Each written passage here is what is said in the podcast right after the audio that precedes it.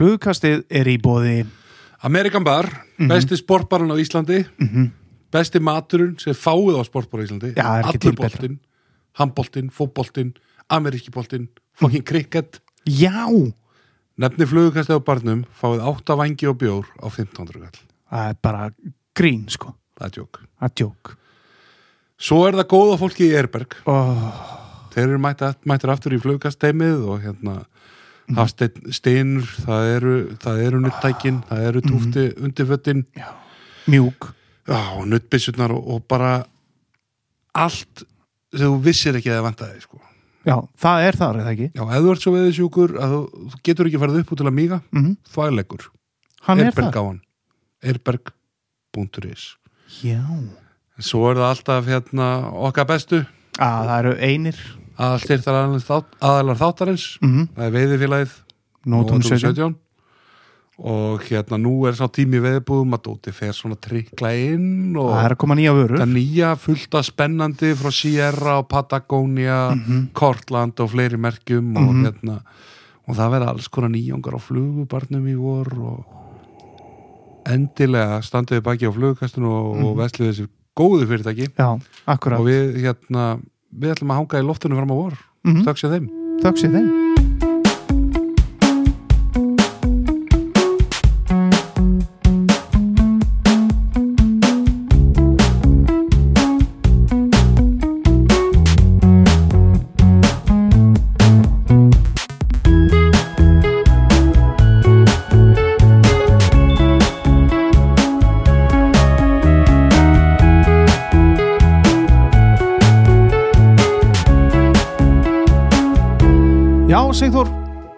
Við erum á Akureyri og við erum enn í veiðuríkinu Þessari gullfallegu búð hérna. Það er gott að vera hérna og hérna, ég held að veiðmenn fyrir norðan geti prísi sæla eiga svona fallega og, og hérna góða búð með svona leiðtækum eigendum sem eru búin að sína okkur gríðalega velvild hérna í norðanfyrinni Heldur betur maður og, og hérna, það eru gestir hérna Já, já, það er einhverjir, hérna, áhugaveri nördar hérna sem Já, að mætir menn mættu og er að sötra bjór og eitthvað svona Já, já, fýblast með okkur. Já, já. Einn alveg á skallanum hérna og... Nei, Það er nú bara þú, en þú ert ekki fann að viðkjanna það sátt Já, já, já, já.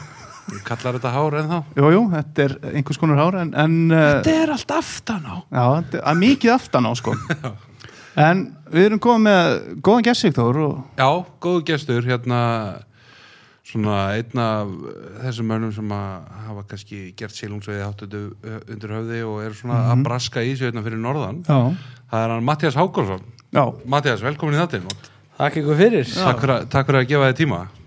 Koma hérna og hitta okkur og gaman, gaman að koma hitt ykkur. Við erum hérna að lauga þetta skvöldi þannig að það er bjór menn og- eru með öl og Já, eða, já, ekki ég, hinnir Já, ég, ég er Hafsteinn er alltaf hófmaður í víni. Já, Já, jú, jú, en en hérna Matti, hvar byrjar veiðin og, og, og veiði áhugin? já veiði áhug náttúrulega byrjaði mjög snemma. Ég, ég man eftir ég að vera lítill gutti og, og, og pappi gaf mér lítið svona e, spúnasett í, í, í ammæliskjöf og ég var alltaf nýr á höfnesbryggju að, að veiða marknúta og eitthvað svona með félagunum sko en, já, en ég er rauninni byrja frekar seint í veiðinni sjálfur. Ég er rauninni 25 ára gamall þegar ég byrja að, að veiða. Þú tekir svona alvöru töffaratíma. Já, Nei, bara- ég er ekki fættur inn í þetta sko og hafði í rauninni engan svona sem að vara já, Jú, ég kannski, ég, ég lík því ég man nú eftir að hafa farið í einn veiðitúr en ég man nú ekki eftir að hafa verið að taka þátt í veiðinni í þeim túr, það var nú meira bara svona verið að gera eitthvað strákaspör sko Já, já, þú verður svona statisti í stemmingunni Já, kú, kúka át í skógi og þannig sko já, já. en hins vegar, já Hvað gerir svo? Hvað, hvernig, hvernig býtur þetta þig svo? þetta er þannig að ég, ég hérna ég flytt aftur til Akureyrar hérna er ég náttúrulega fættur uppalinn eins og þið heyrið á. Á, á, á því hvernig ég tala ég er Akureyringur í Ættu við kannski, og Sigþór, að skella í þetta líka? það hérna væri ekki verra.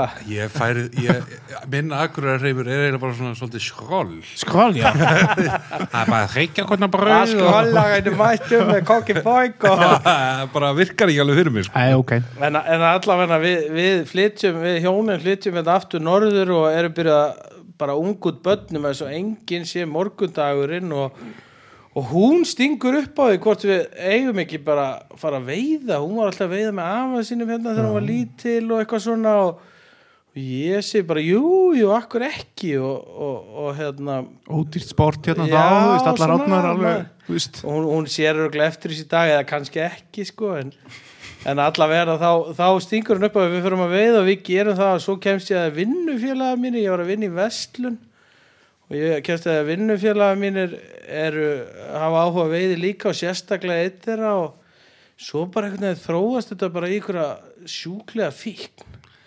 Ég er ekki líka, sko, ég furða mig á fólki sem að býr hérna fyrir norðan.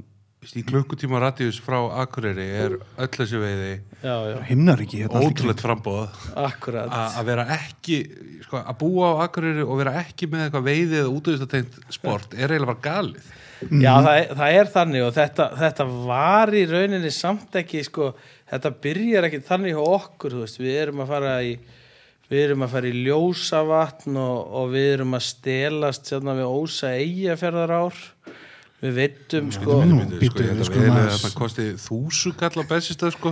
Já, við höfðum bara ekki pening til þess að borga þetta þá, en þa það er þannig, sko, ég, ég man eftir, sko, kvöldum sem við vorum að fara, sko, við vorum kannski að fara svona um 11 leituðum kvöldið og stóðum þarna við brúin, brúna við, við ósin á eigafræður á og við hliðin á skiltinu sem stendur hann veiði bönnuð og köstuðum þar og fengum svakalega sjóbyrtinga góðu staðu til að kasta. Já, veit, veitum ekki í pollinum og ég man á öðru megin stóð alltaf veiði bönnu sunnan vegar og það var sunnan vegar. Já. en hins vegar sko stóð veiði bönnuð hinum megin. Og ég var einu sinni gómaður þarna og ég sagði bara nei það bara, það er bannað að veiða sunna megin og benti í norður. Og slapp ansi vel. Ég, ég spurði nú, en hvar má þá veiða og gætur hún okkur skuttla með þangað? En allavega Góðunni þáttarins myndi nú sko hafna þessu, hann myndi segja sko hvort er þetta til einföldunar sko, hvort er þetta bara vinstra megin? Eða hægra megin. Eða hægra megin. Já, já, fyrir norðan er þetta svo það er svo auðvelt sko. Það, þú veist, norður er í norður það er eiginlega, það, það fer ekkert um milli mála maður þarf að vera ansi vittlus eða ó, ó uh, já, alandi til að skilja ekki er hér. forskalaður Já, akkurat.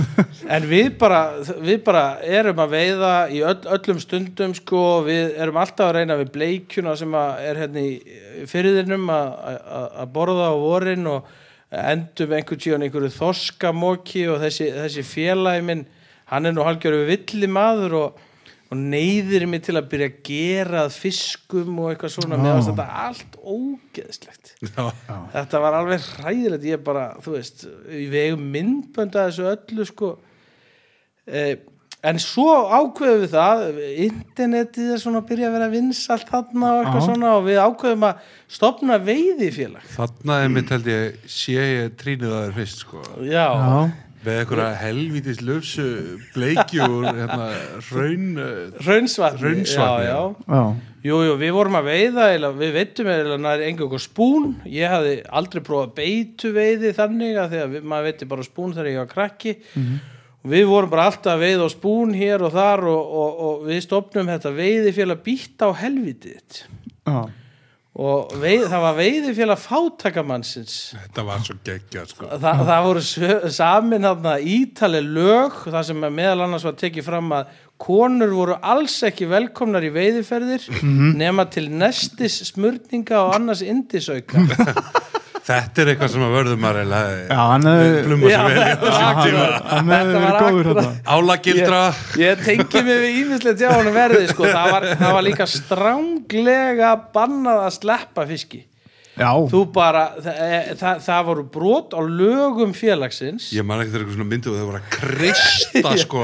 blóði rann já, alltaf einhverjum niður sko alveg fiskana. pingu litla lækja lopnur alveg. A akkurat sko og, og þetta, svona var þetta maður þegar við erum hann upp í hraunsvatni að fá þessar stóru bleikjur sem að að- er til að taka fram að það var gríðalega mikið haft fyrir þeim já, já, þú þarft að veiða ansi margar litlar til þess að fá eina svona. Þú þarft að gera það sko en, en þetta var allt drepið maður og ég fóð með þetta í fermingaveislur og skýrnaveislur og ammali og ég gróf, ég gróf hérna bleikjur hraunsvatni og ég var með þetta svona og, og þetta, þetta fór að vera það mikill sjúkleiki að ég var farin að íta reyktum silungi á fjölskyldu meðlimi Já, já, og þetta já. var það var engin leið að við fjölskylda myndum neyta þessu ne- neyta allra þessa fisk sem við vorum að veiða og drepa sjálf. Þetta hefur verið bara svona einhver lonuverkur bara.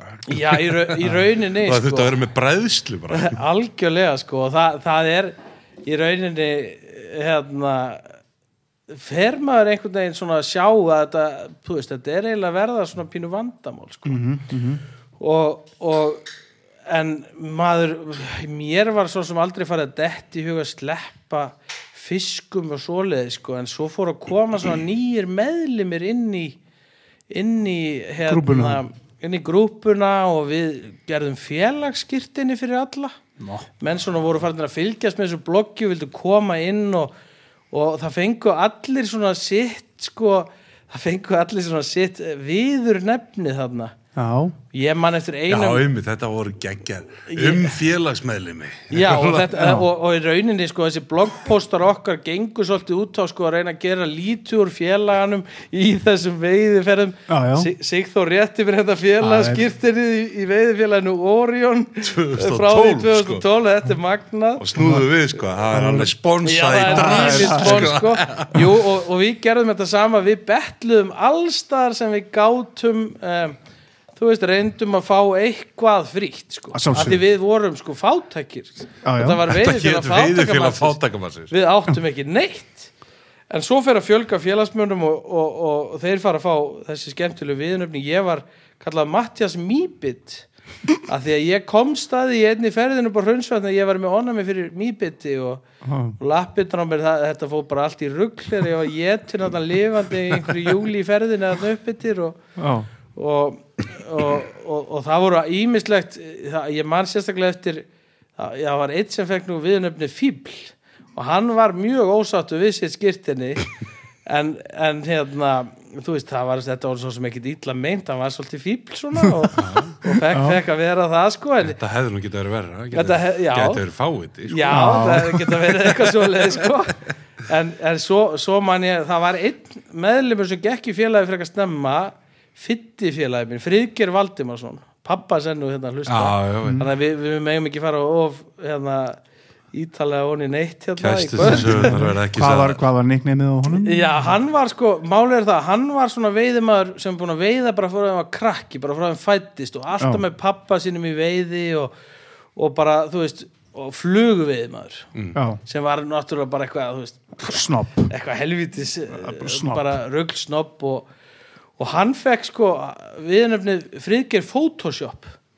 Já, og það var sko vegna þess að hann var einhvern veginn að veiða stærri fiska en við og þetta var einhvern veginn allt einhvern veginn meira þú veist, heldur um að var að upplifa kannski fyrir utan einhverja hraunsasbleikjur mm. þá einhvern veginn var hann miklu meiri veiðimar og hann stakk hann upp á við okkur bara þarna í fyrsta eða fyrstu veiðiferinni hvort okkur hafa aldrei dott í huga við á flugu Já, Nei, við, við erum ekkert verið í einhverju svoleiði snoppi spútin er að hérna- virka fínt sko.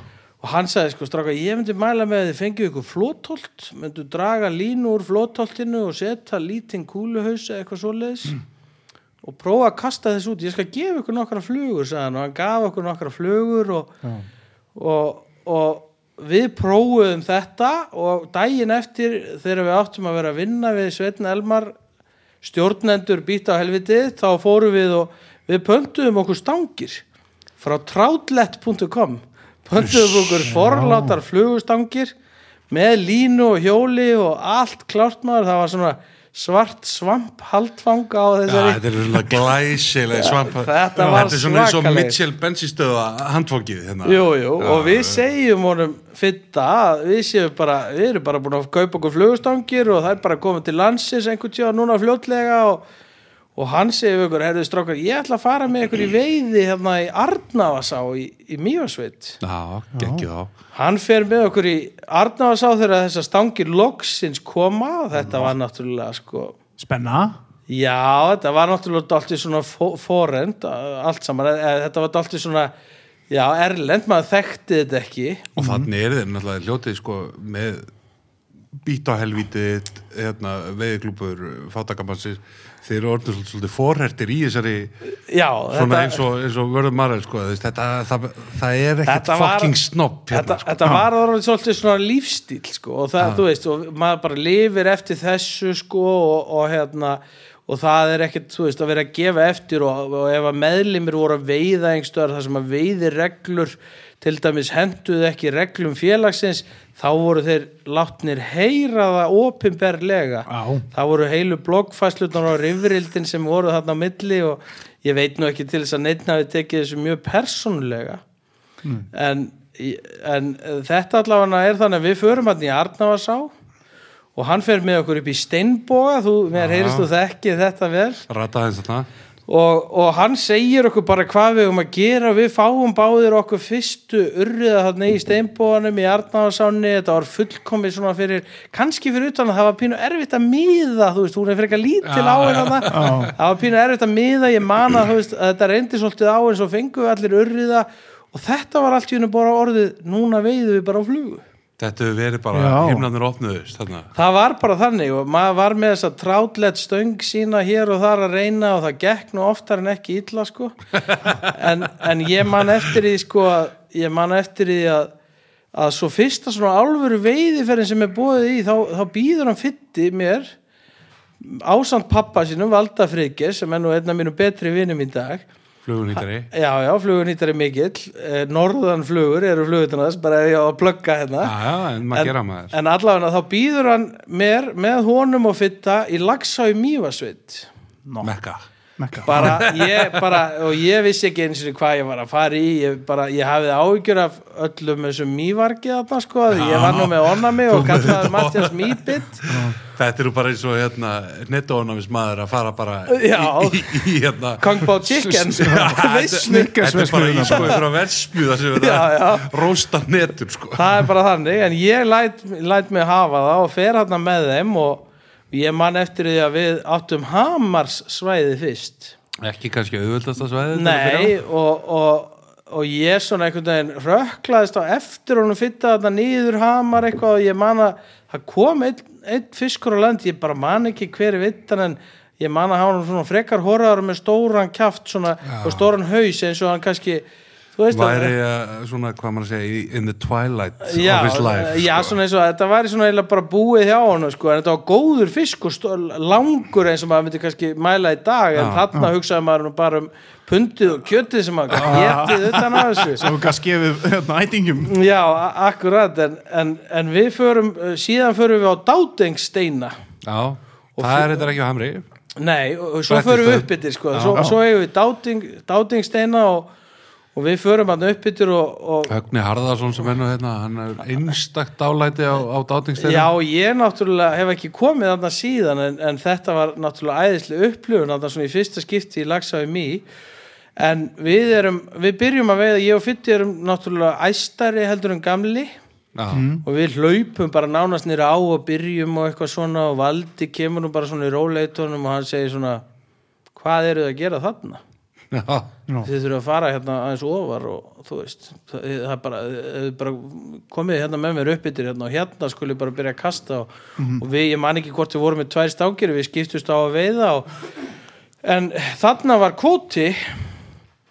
Já, Það hefur verið er erfitt fyrir mann eins og þig. Já, þetta var svona í fyrsta skipti sem ég hefði upplifað þetta og við fengum flotta myndir og svona og ég gerði post inn á býtt á helvitið og mætti miklu aðkasti fyrir það að ég hef verið að veiða á svæði sem að það er einhverja veiðireglur og annað slíkt og, og og ég náttúrulega tók það fram að sem stjórnarformaður félagsins hefði ég tekið mér besta leifi til þess að breyta og beigja reglum eins og hendaði mér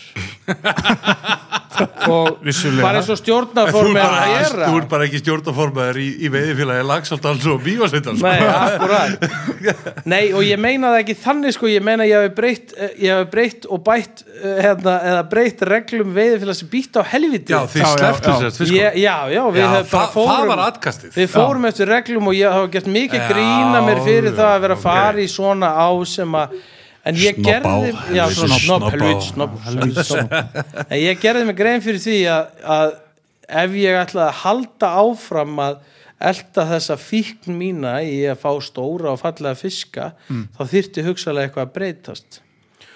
Og ég fer að stunda fleiri veiðisvæði, ég fer að opnast og ég fór í svarta í Bárðardal og þar mátti maður ekki drepa allt og, og Skandall. Hálsléttu handans algjör skandall náttúrulega sér til matar þetta er nú eins og eins ég náttúrinu og þú kemst en, en ég fór að verða meira og meira fyrir aðkasti aðra félagsmanna. Þar sem þeir gerðu lítið úr um, snobbhætti mínum og það var mm hérna jafnvel talað um að, að já, að bara stjórnaformaðurinn væri bara hreinlega orðin liðhlaup úr. Se- setja pókan á hann bara Þa, það var bara þannig og, en, en, en svona þróast þessir hlutir nú uh, þeir, Og- þeir, þeir voru ekkit að þróast félagarnir eða? Nei, hann Sveinn Elma Magnússon uh, uh, stóru vinu minn og, og stjórn, meðstjórnandi hann Er hefur það ekkert þessi maður sem mann eftir með hérna dögt skegg Já, og akkurat. hérna, grannur hávaksin maður Já, já, grannur hávar sem maður og, og, og svona, hann gerði svolítið í því að reyna að hræra upp það sem hann gat á internetinu. Hann er að æsa í þér Já, svona reynda að æsa í mönnum, öllum mönnum sem að voru í veiði það sem ekki, það sem að svona þessi úrkynjun átti sér stað að sleppa fiskunum aftur og ég fer svona að þróast einhvern veginn meira og meira sko en þó að, þess, þó að þetta sé svona þetta official view þá þú veist, var ég náttúrulega bara ungum maður ég er 25 ára gamall ég kannski, þú veist, var ekki orðið mikil ég var ekki orðin karlmaður og, og, og svona með lítið sjálfströst og annars, annars líkt og hann Sveinn Elmar hann átti stóran þátti því einhvern veginn svona kýla í mann þú veist, að maður hefði trú á sjálfu sér og, pung. já, kýli mann pung sko, ég meina, og svona læra að taka gaggrinni og annað slíkt sem að þú veist, maður lærði eiginlega í þessum félagskap, þannig lagað sko Já. Þú veist, maður var ekki vanur því að maður var í rakkaðinu í skítin og þurfti bara hreinlega að svara fyrir sig með, í sömu mynd til þess að, þú veist, og það væri bara ekkit aðtúavert við þetta þannig lagað, sko. Þannig að hann, hann á alveg ég á honum mikla þakkir fyrir það en ég, þú veist, fer svo bara náttúrulega að þróa mína veiði í það mér langar náttúrulega bara að fá stóra fiska og fara í allar þessar stórkostlega ár og þar eru bara alls konar reglur og ég var líka orðin alltaf þreyttur á því að vera alltaf að reyna að trúa það sílungin og alla fjölskyldu meðlimi Þessum vil ég ekki taka þetta tvö veist, hérna, það allir í fjölskyldur komið algjört ógeð á þessu sko. það var enginn sem hafði neitt áhuga því að það veri sílungur í matin eða neitt sko. Nei.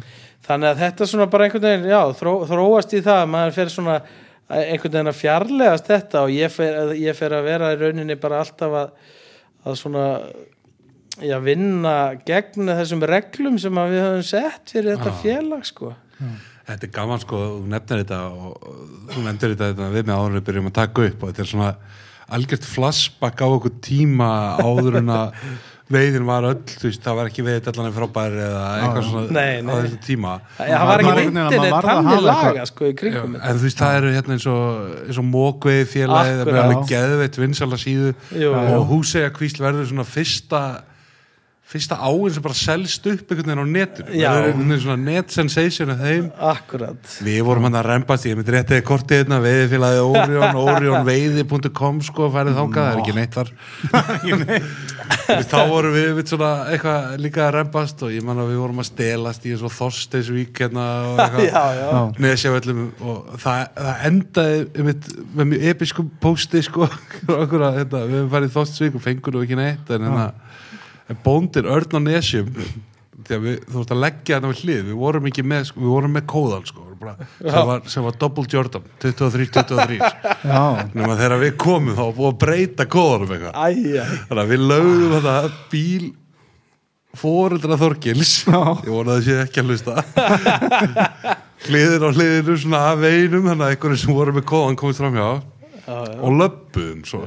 Nema þegar við komum tilbaka þá var Örn og Nessi búin að sitja stærðar hennar heyrúlu beint fyrir fram bílun gætum við hvergi neitt og svo var hann búin að taka hlass af kúaskít og þekja sko framrúðuna og hútið með kúaskít hann er bara, hann er bara að fara með traktorinn í, í helvitist taðbingin og bara sturtaði já æ, æ. Helvíti skaurar hérna. Já, já, það er strákaspörin já ég meina menn þurfa að fá að hlaupa sér hodnin líka sko. Alveg 100% Það er nú bara svo það er sko en þú ert þarna já þú ert svona fjarlæðist þetta að vera að kreista ör, litla örrið að ekstaðar eða Jú, jú.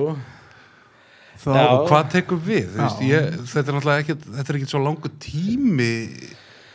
Nei, þetta er í rauninni sko 2006, ef ég man rétt 2005 eða 6 erum við að uh, stopna þarna veiði fyrir að fátakamannsins og þá er ég bara líka bara við erum að panta fyrstu flugustöngina ég er bara að byrja að læra að veiða í rauninni Já, sko, já, já.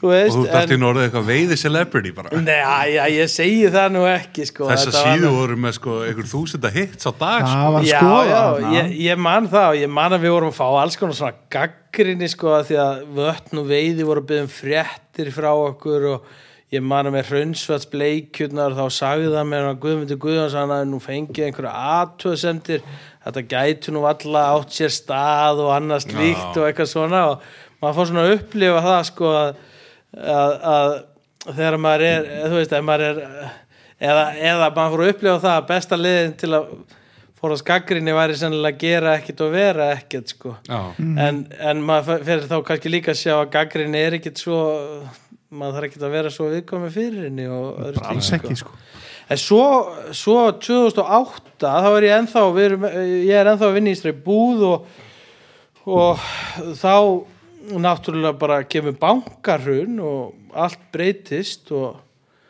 og mér er tilkynnt að það þurfi að lækka launin hjá okkur öllum með 15% Já, og mér fannst ekkit sérstaklega skemmtilegt í vinnunni, ég, jú, þetta var sölum að starf, ég hafði gaman að selja en, en svona, þú veist ég var ekkit sérstaklega hamingisamur ég náttúrulega vildi helst bara vera veiða og ég fór svona að hugsa að ég væri eiginlega bara til í að vera að veiða sko, og, og Sveinn sagði við mig sko, já, ég ég bara hef trúað þér og þú bara, þú getur gert hvað sem þú vilt og annars líkt og þarna var stórun alveg geggjaður í veiði alveg hund, bara 100% ég meina, þú veist, við erum að tala um tveggjára reynslu kannski í árum sko, en þú veist, ef við getum metið reynslu í dögum þá var það kannski aðeins meiri en kunni samt ekki mikið sko, þá var Valdi og Fitti hefðu kent mér að uppstríma nánast upp á tíu sko, Ok, en það uppstrímaði ég bara.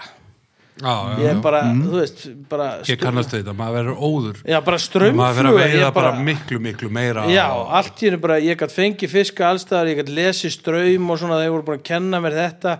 Mér dætti ekki hug að fara að setja streamer eða neitt svoleiðis undir það bara upstream já, og, og, og, og þarna 2008 þú veist, það er svona tímamót og ég fer svona að hugsa mér þú veist, hvað ég vil gera hann ég ræði þetta við konun og hún segir bara já, ég bara stiði bakið þér alveg saman hvað ég langar að gera. Já, vel giftur. Já, við, ég er mjög vel giftur. Það er eiginlega bara, þú veist, mm þú veist það er ekki sjens í þessum þætti eins og koma því á framfæri almennilega. Nei. en hún bara einhvern veginn stiður baki á mér og ég svona bara byrja að vinna að því að ég ætla bara að stopna svona fyrirtæki ég hef engin sambönd inn í hennan bransa, ég talaði við einhver og þeir svona eitthvað já, og það er líka kannski eina fyrirmyndin fyrir svona fyrirtæki er Stjáni Ben með Æsl Dangling já, Travel við byrjum á sama tíma ég og Stjáni. Já, það er bara þannig, við erum bara alveg á nákvæmlega sama tíma að fara á stað með þetta.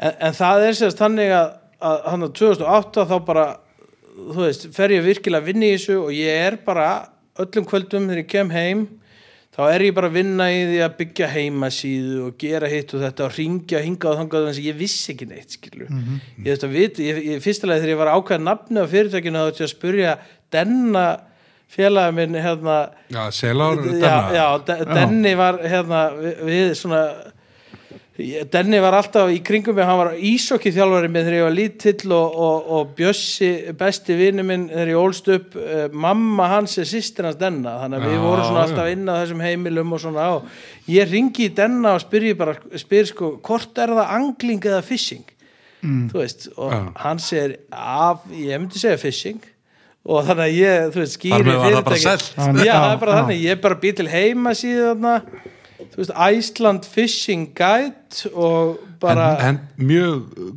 Googleable.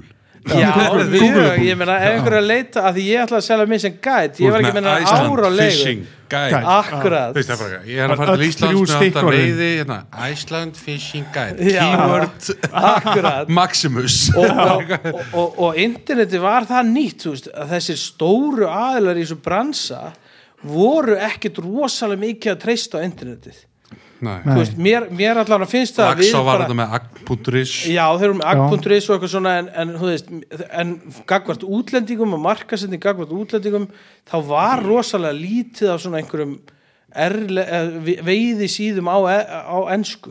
Já, þannig ég bara set hana þannig í gangi, ég er ekki búin að stopna fyrirtækið eða neitt sko, þetta er auðvitað byrjun ást 2009 og svo bara, þú veist, hægt og rólega að fara að koma svona inn einhverja fyrirspurnir um Þú vil er þetta magna því að þetta er eiginlega sama og Stjáni sagði við okkur Já, akkurat, við erum á sama tíma að bara gera á þetta sama líka, sko. tíma, byrja bara eitthvað að blogga á ennsku og ekkit, eins og Stefán sagði, ekkit alltaf eitthvað merkil bara, jáfnvel úr urðakottsvatni eða eitthvað. Já, já. og svo bara dettin e-mailar já, og já, og, og ég man hvað, maður var alltaf stressað ég, það tók mig stundu sko fjóra tíma svarinu e-maili, að Já, ég var alltaf að laga allt alltaf að laga, Já, já. núna sko núna bara, þú veist, bara, já, já núna ok, bara, þú veist, er þetta bara svo automatist einhvern veginn, Mm. þetta bara gerist. En, en þetta fyrir bara svona að koma inn og ég stopna fyrirtækið mitt í mæ 2010 mæ 2010 þá er ég svona formlega búin að stopna þetta og það, ég var ekkert með rosalega komin mikið kennitala og vasknúmer komið og- kennitala og vasknúmer og ekkert, ég, þú veist, ég var ekkert komið með eitthvað, þú eitthvað svaðalega mikið af bókunum og svona en ég bara fór að fá bókanir á mínum einhvern veginn fórsendum og gerði mína túra og, hvert og þetta ég- fara til Já, hvað varstu með svona uppsett einhvern veginn Já. svo gæst svona sko, ég bara, þú veist, ég get ekki nefnt eina ás en þið myndu eins og bara, þú veist, vita hver, hvar er vegna þess að, þú veist, Það er, er, þetta er svona another word for, ég vil ekki eina, nefna eina á sem ég vill að þið viti hvað er. það er kannski sko. þannig meina. Sko, já, við skulum hafa þetta þannig að ég veit, veit ég átti enga pening. Ég veiti, ég veiti frítt. Ég byrjaði, ég byrjaði þetta fyrirtækja með 0 krónur bara, ég bara, þú veist, var ég bara ég var að sjá fyrir Er fjölskyldu er þetta SLF? eða? Her, nei, þetta er EHF en ég, ég, er, ég, er að, ég er að sjá fyrir stækkandi fjölskyldu þarna, þú veist, við hefum, orðið fimm börn í dag sem að Hæ? ég- við skulum Fimm ekki- stykki? Já, það er kalt hérna fyrir norðan og Ah, maður þarf einhvern veginn já, að halda að gera hitt á sér Það er einmitt akkurat, þess vegna eru við með punkkastet svo sæðið þarf að vera aðeins kaldara. Það Já, er já. þannig, sko. Og hérna, það er akkurat kjör aðstæður hérna til sæðið 100% en, en ég er allavega bara, þú veist, bara, ég á enga pening til að splæsa ykkur veiði en ég hins vegar bara Þú getur ekki fronta neitt. Ég var að selt, elda sögur um ár hér og þar og var að fara í ár sem meira minna ég talaði við bóndan ég fekk að veiða svona af einhverju góðmennsku bauðst til að koma með eitt, tvo fiska fyrir hann eftir þetta og, og ég var bara, þú veist, að fara í þessar ár með mína kuna þar sem að í rauninni ég hefði eng, það var engin annar að veiða þessar ár, Nei. Þú veist og, og og, og alveg nóga fisk í inn Já, í já, ég og- meina, þú veist, ein, ein sjóbleikju á til dæmis þar sem að ég fekk nú Marjulaxinu við förum nú kannski yfir það síðar en, Já, já.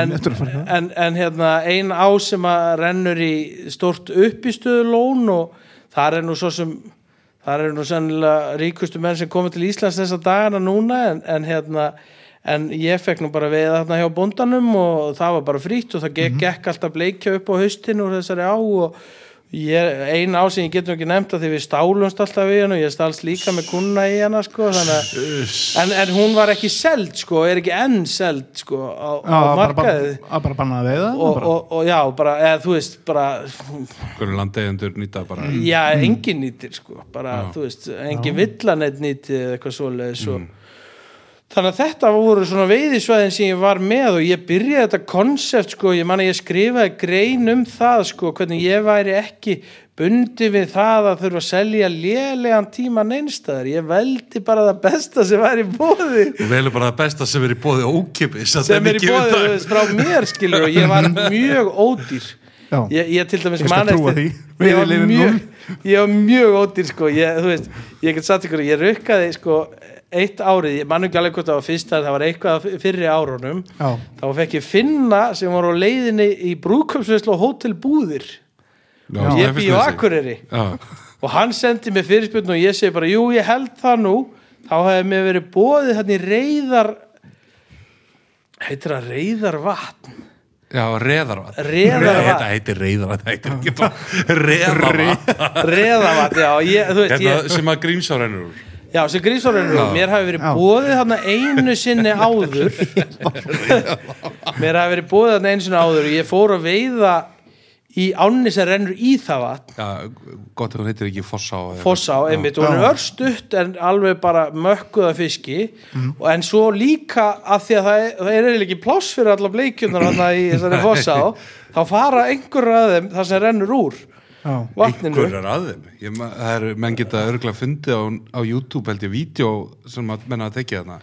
Þannig eru sko eða er alltaf þessi mikið að bleikju eins og í skjáltavatni eða þetta er að sjá þetta sko. Já, það, það, það, það er svakalegt magna bleikju þannig að ég veit ekki hvort ég eru uppljóst eh, einhver leyndamála þegar maður sér þetta aldrei en einst það er í umfjöllun en, En það en, er náttúrulega bara erfitt að fá leifi til að fara þarna. Það er bara almennt þannig sko. en ég hugsa að það eru langt að fara þangað þannig að ég fer með þá í hrunnsfjörðin Já, var með veiðikortið, ég held ég hef nú vælt það út úr yngimundi á sínu tíma. Ég, mér finnst mjög ólíklegt að ég hef borgað fyrir það bara því ég átti ekki fyrir því sko. Já. Já, ég menna það kostar alveg Veist- gegnum stjættarlega 3100 Akkurat, Já, og það var bara ekki sén skilur, það var bara annarkort annarkort fengju börnin slátur í kvöldmattin eða ég myndi kaupa veiðikortið. Hróknarleifur þannig að, þannig að þú veist og ég held að Ingimurdur hafi verið rosalega auðmikið góður og hugsa bara að þú veist já þetta er kannski ekki verið þú veist Ég fer aftur í veski sko, hann, hann er með svo umikið góður að hann gaf okkur hafstæri þetta fyrsta yndakina Nákvæmlega, sko. 2020 kortin er að koma til okkur já, já, já, en, svo, en svona var þetta og, og ég hugsa, ég fæði með það hraunsjörðin og ég keiri frá Akkur, ég held ég að vera upp á 60.000 fyrir ferðina. Nei. ég keiri frá Akkur og gisti á frenda mínum í grundafyrði og ég keiri inn í hraunsjörð til þess að ég hafi allavega séð þetta áður en ég fer með viðskiptavinna ángað Herðu, ég fer og nægið á hótel búðir, fer með það í hraunsfjörðin og það er ekkert að gerast. Bara alveg steindautt. Og ég er þannig sko ég get eiginlega ekki klárað daginn með einhverstaðar þar sem ég hef ekki tilfinningu fyrir eitthvað sé að gerast og ég vissi að ég gætt farið að upp í hana, re, reðarvatt reðurvatt skulum við segja. Reið, Reiðarvað reyðarvatt ok. En ég fer með þá þarna uppi til og ég er náttúrulega búin að keira sko því líkt fyrir þessa einu ferð með þessa tvo kalla. Bensín er bara 25 Þú er með helmingin bara strax í bensín. Já, já, herðu, og svo tíminn náttúrulega, sko, ég fekk ekkert fyrir tíman en, en við förum að fáum fína veiði maður og ég keiri svo heim um kvöldið alveg gjörsalega búin á því og er að sopna nánast alla leiðina, sko, en, en og hvort ég lagði með einhverstaðar á bílaplani með bílinn í gangi í 20 mínútur og ég held síðan áfram að kera, sko, og blönda á sig eða eitthvað. En kem heim og svona bara var þetta. Svona byrjaði maður og ég gerði bara allt. Já, bara, þú veist, ég tók þryggjata að ferð fyrir sunnan það sem að ég bara kerði í suður og svo náttúrulega fer maður að kynnast mönnum í þessum bransa þröstur elliða svona ég, hann, hann er góðu vinnu minn og ég nýtti mér Góðunni þáttanins góðvinur Já, og bara góðu maður sko, já. ég einhvern veginn svona að mínum samskiptum svona í byrjun þá fannst mér einhvern veginn að þetta hlýtti að vera besti maðurinn í bransanum bara þegar hann var svo almennilegur sko. Sem hann og er. Og bara tó, tók manni sko, þú veist, bara einhverju jóla jeppa sko, frá Akureyri sem vissi ekki neitt skilur og bara, þú veist, hjá, hjálpaði hjálpaði mér og mm útvegaði með veiðilefi og, og, og, og, og, og þetta svona náttúrulega bara ágerðist með tímanum. En ég svona gerði svo, svo, svona talaði svolítið um það sko að þetta, ég var ekki sko bundin því að tróða fólki í einhverju á sem var ekki góð endilega þá að ég geti bara valið hvað sem er. Já, já, en hvað sem er var náttúrulega bara hvað sem ég þekkti og, Já, bara hvað sem gæst feiki Já, já, mjög lítinn og, pening. Og, og það, ég var heppin og þröstu var að byrja eða með jöklun á þessu tíma Já, og, og, hann bauð- mikið að lausa veðlegum Já. og bara mikið þetta svona og ég gerði samning við danska ferðarþjónustu og ég gerði samning við danska ferðarþjónustu og við fengum að fara í jökluna það í fyrsta skipti og það var, það var eftir 20. júli Það var þetta bara fyrsta árið sem að jöklan opnaði ég bara man ekki nákvæmlega sko, hvaða árið það var en hún er bara að byrja þarna í jöklan við förum þarna og veiðum einhverja nýju lagsa eða eitthvað þú veist, á þremu dögum og veitum rosa vel. Já, ég, ég, er komin, ég er komin fram úr mér kannski bara með þetta. En, en þú veist Ja. og- Við getum alveg farið fram og tilbaka og ég, og ég notaði og ég notaði jökluna mikið og, og bara hef gert eiginlega bara til þessa dag sko. Þú veist ennþá þó ég sé með mín eigin veiðsvæði þá er ég með kalla sem hafa voru með mér í jöklu og vilja fara í jöklu og ég er með tvíendu kalla og hef, hef farið og verið mikið hjá þresti Það er eins og þröstur sagði við okkur hérna í þættinum sem við tókum á honum að það er alltaf langt í jöklu. já, já, Ef menn geta komist yfir það þá er þetta algjörlega eðalveiði fyrir nokkra tíu þúsunda á mjög góðum tíma. já, já, algjörlega og ég, ég sko, ef það væri ekki fyrir þetta yfirfall þá, þá myndi ég segja að þetta væri og ætti mö- möguleika að vera sko langbesta lagsveiði á Íslandi bara fyrir það hvað hann getur borið mikið magnað Já. fiski sko en ég meina það- þetta yfirfall er pínu svona Við erum bara að hækka kárunukastíflu. já, ég held að menn- vekk ég held að menn gerir sér ekki greið fyrir hvað þyrftir rosalega stóra viðbót til þess að taka allt þetta vatn sko. En, en, en þú veist ég, ég segi það enn ég meina þetta er toppurinn þannig að lærið ég að veiða á tvíhendu og Já, af þessum útlendingum, ég rauninni lærið að veiða bara af þessum útlendingum sem ég var að gæta alltaf því ég kunni ekki neitt þegar ég byrjaði sko, nema uppstrýma Já, já, sem, sem ennú sko hérna fyrir norðan er það nú bara hálfu sigurinn. það er Já. það svolítið, að samt það er ekki alveg hálfu sigurinn en jú, Já. það er svolítið þannig sko, maður getur komist af með, með uppstrýma rosalega mikið sko. Mhm. En það er nú líka í þessu þessari leiðsögumennsku og öðru og maður heyrir bara á því ég hlusti til ljóta að heyra það að þú átt ekkert erfitt með að tala og segja frá og, vera nei. hræs og svona það, það er hellingspartur af þessu jú, jú, er maður bara er 70% eða eitthvað menn klóra Já. sig út úr þessu svona maður þarf, maður þarf náttúrulega að vera skemmtilegur en svo þarf maður náttúrulega líka að hafa dræf til þess að gera vel og koma kunnanum í fiska Já, já. sem er og ég sko, ég þóli mjög illa að vera einhvern veginn að berja hausinu við stein þú veist, ef ég er einhverstaðar og eitthvað er ekki að ganga þá er mér veist, alveg sama þó ég þurfa að þú veist, 15 skalli til að koma þeim einhverstaðar og fiska og gefa þeim góð upplifun eða þó ég þurfa að keira tölvöld lengra heldur ég ætlaði mér til þess að fara með það sem að ég get gefið þeim virkilega góð upplifun og það skila já, sér. það- annarkvort í, repeat custom er meðmælinn til annars eða bara í þjórfíðinu þegar þú stroppaði mótilis Jú, jú, ef maður, ef, maður vinn, ef maður myndi vinna sem sko, samt hjá einhverju stór fyrirtæki sko, eins og McDonalds þá er maður náttúrulega bara köttaður um leið sko. Vegna þess að það er ekki hagkvæmni endilega í því sem maður er að gera en, en það er nú kannski stóri kosturum við það að fá að vinna við það sem maður elskar að gera það, það þarf ekki þetta þarf ekki alltaf að make a sense. make a sense eða teljast í peningum það sem maður er að gera, þetta eru spurningum upplifanir og það er einmitt einhver svona rauðu þráður í hérna hjá okkar viðmælandum sko, það, það er enginn að gera þetta út því að þeim langar að ríkir sko. Nei, það er bara Það þeir geta ekki ekki gert þetta. Svona, þeir gæti ekki unna sér á skrifstofunni. Sæður þið fyrir þér mati núna í júli í verslun nýri ak Shit. Nei, ég, það er ekki sjans og þetta er rauninni fullkomi starf fyrir mig að því ég þú veist, er með frekar svona stutt attention span og ég man að ég var alltaf rosalega leiður í öllum vinnum sem ég var í sko. en núna þá er það þannig sko, veturna er ég á skrifstofunni og ég er að selja og sumrin er ég bara út í vá.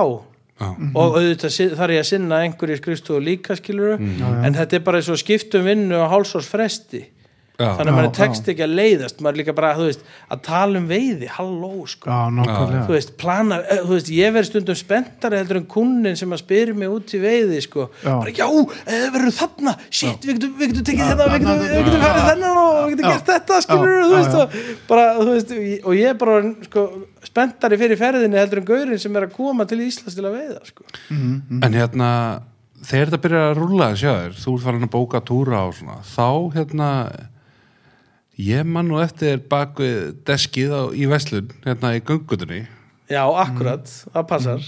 Þú opnaði 2012 Já. Það er eiginlega þannig að þegar ég er að byrja þannig að gæta þá ég kannast nú hérna í veðrikinu ég kannast nú bara við eitthvað á húsgögnunum. Er það, ég, hérna, hérna flugustandurinn hérna kringlátti í honinu Siggi, getur þú staðfest það? Já, ok, Ah, ok. Það, það, það, það bara passar ég, þú lítur að hafa keift þetta á hann í Jónasi þá? Já, En, en allavega þá, þegar ég er að byrja þannig í þessu gætiri þá er hann maður með hótel út á Sveinbjarnagerði Jónas Jónasson og hann ringir í mig og byrður að gæta einhverja ferðamenn sem voru hjá honum.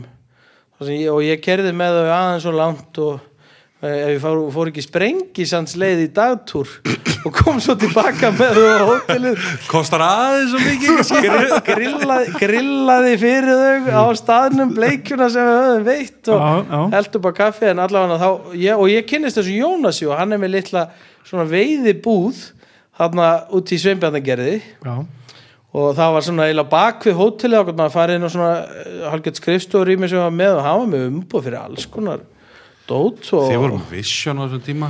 Já, við vorum ekki með það þegar við erum að byrja þarna allavega, en, en, en, það, en það er þannig að ég, þarna 2012 svona um haustið, þú veist, það var alls ekki mikið að gera, ég var ekki að fá stöða e-mail um að fara til Íslands og annað slíkt og Mhm. svona, þú veist, maður, og meiri sagði, þú veist, enn í dag er nú kannski þetta rólegasti tími november maður er svona að setja saman fyrir fastakuna og annað slíkt en þú veist, það er ekki að hrúast inn endilega fyrirspurnir.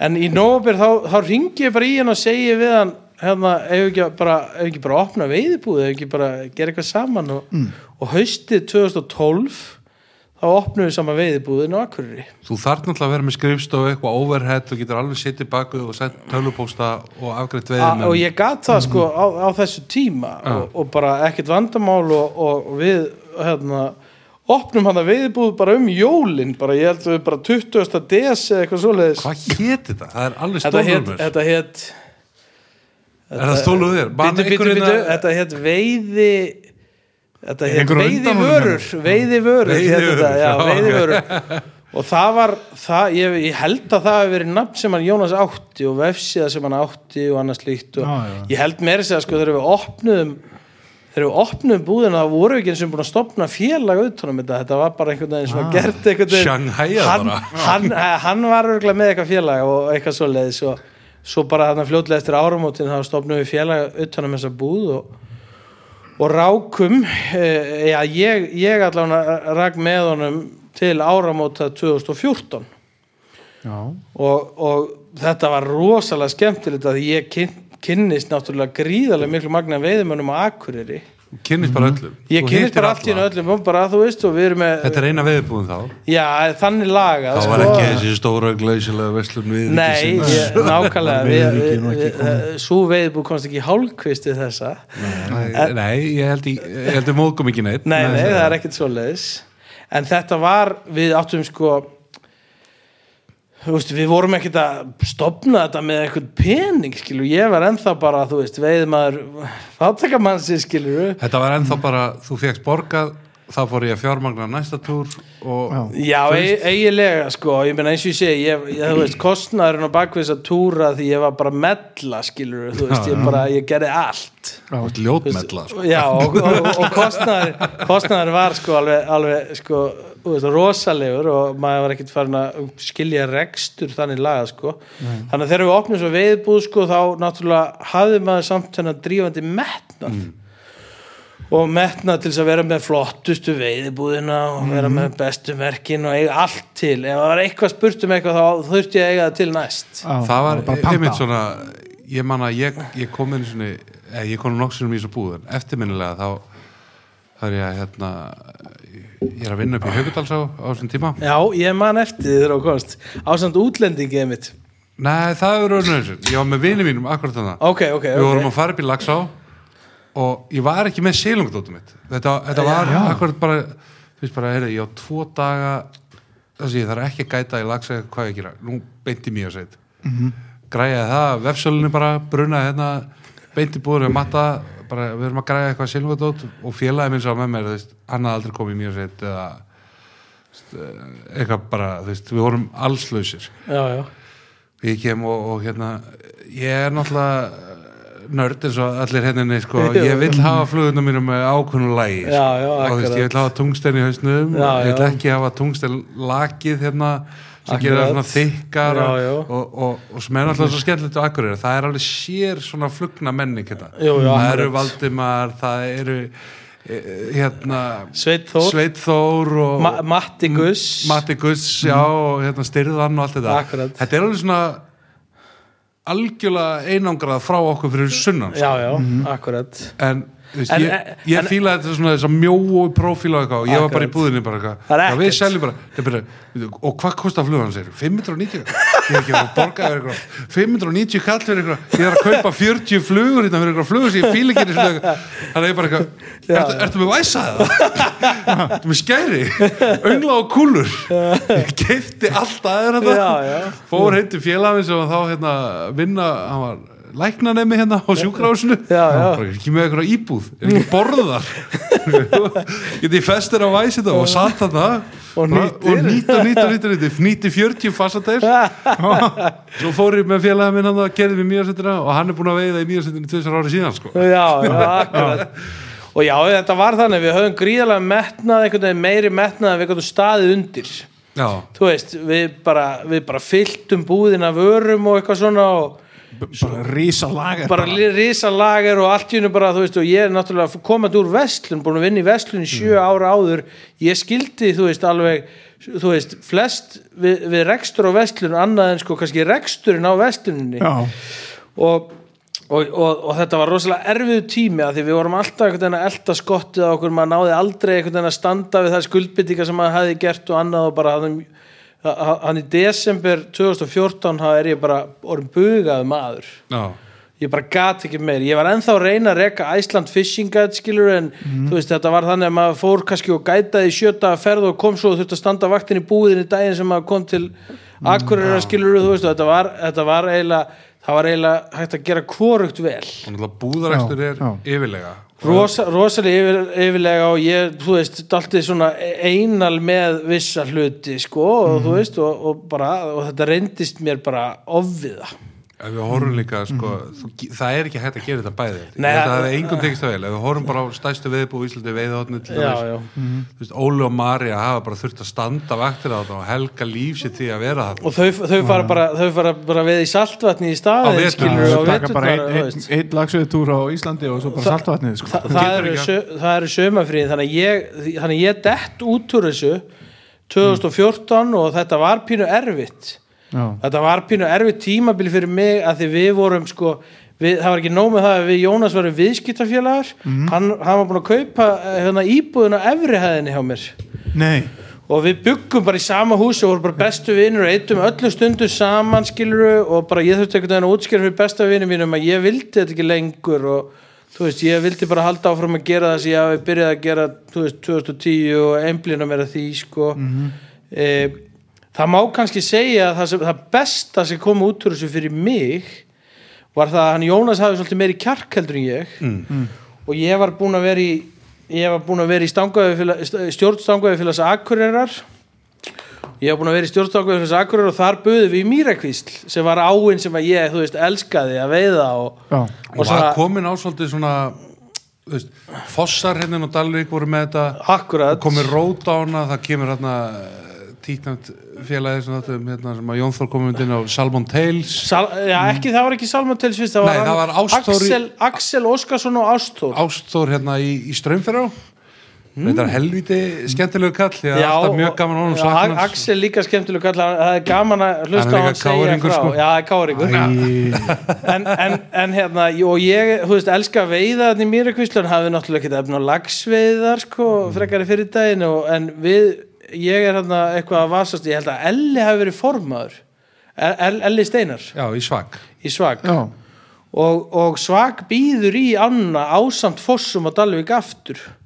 En eh, eins og ég man þetta þá náðist einhvern veginn ekki að samrama það sem bæði félögin vildu í kvóta Já, uh, og það sem að veiði eh, félagið vildi var þar það og, þeirra Ástór þeir taka þetta eða ég held það að það hefur verið þegar þeir tóku þetta svo er náttúrulega að koma Salmon Tales og lofa gullagrænum skóum já þeir taka hana næst en, en nýju húsi og eitthvað en að samanskapi þá held ég jú, Salman Tales, þeir, þeir ná hann ég held reyndar að þeir hafi gert mjög vel. Ég veitti mikið Já. ánni á þessum tíma. Þess, þarna á milli er stanguðfélag Reykjavíkur held ég að selja í hann í umbósölu mm. og þá eru fyrstu árum sem ég fæði veið að lags þarna. Þá, eh, þá er ég eh, náttúrulega sko eh, ég, ef ég man rétt var áinn frekar illa nýtt þessi ár. Já, og, Þetta var svona vergangur á henni. Hún Já. var að fara úr fossum, maðka og það var, þeir voru búin að tala hana svolítið niður svona fyrir, þú veist, að þetta væri bara maðka á og annað slíkt og það var ekki hægt að stunda flugu við og annað. Og að hún var svona, þú veist, á vergangi svolítið þessi á og, og, og en ég fæ að veiða þarna 2010 þetta er, þetta er, þetta er meira þess að fyrir, já, ok, ég hoppa bara í tíma þarna Já, já, við erum komin til ársins 2010 Árið það komið 2010 2010 og það var verið að skýra son minn hvena var hann skýrður Ég að- Ég held að vera að reyna að muna hvað hann heitir hann hérna? Sko, mér finnst líklegt mér finnst ég- líklegt að, veist, ég, bara, ég ætla bara að skjóta á þetta því að þú veist, ég, ég er búin að fara illa með heila frumundar í gegnum tíman ég ætla bara að skjóta á þetta.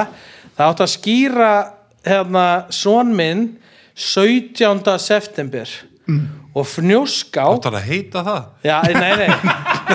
Ja, Það var dagsetningin sem sagt. Já, ég skal vera skýrmælari Ég skil það, ég skil ég er að Æ, segir þetta. Jú, jú, við erum með bjór og eitthvað. Já, já, og, og, og, og það voru bætt við einhverjum dögum í fnjóská ég fer að veiða fæ 94 cm lax.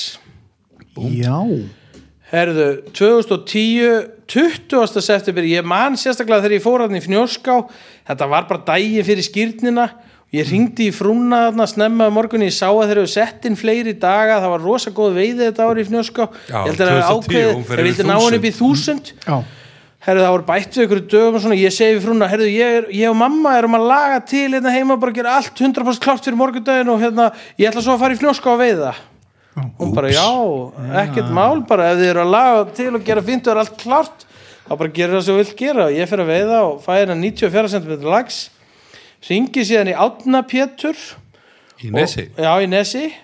Og fæ að fara í Mýrakvíslina 20. september og býð Ragga Holm flugufréttamanni aldrei hitt mannin Aldrei hitt hann? Aldrei hitt mannin en hann Þórir Gretar. Já, ég meina, Akkur er náttúrulega svo gríðalega stór staður já, og ég var náttúrulega ekki, ekki Þetta er bara svona metropolis ég var náttúrulega ekki orðið tengdur inn í þetta ég hefði átt símtöl við uh, Ragga Þórir Gretar hafi bent honum á að tala við mig einhvern tíðan einu sinni tvisvar og ég ringi Ragga Holm og hann kemur þetta með mér og ég er svo heppinn að fá 99 cm fisk í mýrakvíslinni. Ég var gjössalega bara, þessi á átti mig eftir það og ekki nóg með það að áinn átti mig ég held ég væri orðin einhver stórlagsa katt ég var bara shit, núna verður þetta bara svona í Já. framtíðinni maður er bara, þú veist. Bara kúrika þetta ná og ef, ef ég Tók hann fór 20 pundin þessi ha, Sló hann 20 pundin við drápum hann ekki. Nei, en viktuðu hann eða? nei við gerum það Nei. ekki, það var ekkert viktan við vorum bara hefnir ef við gáttum mæltan sko, Raggi skrifa nú reynda skemmtilega grein um þetta.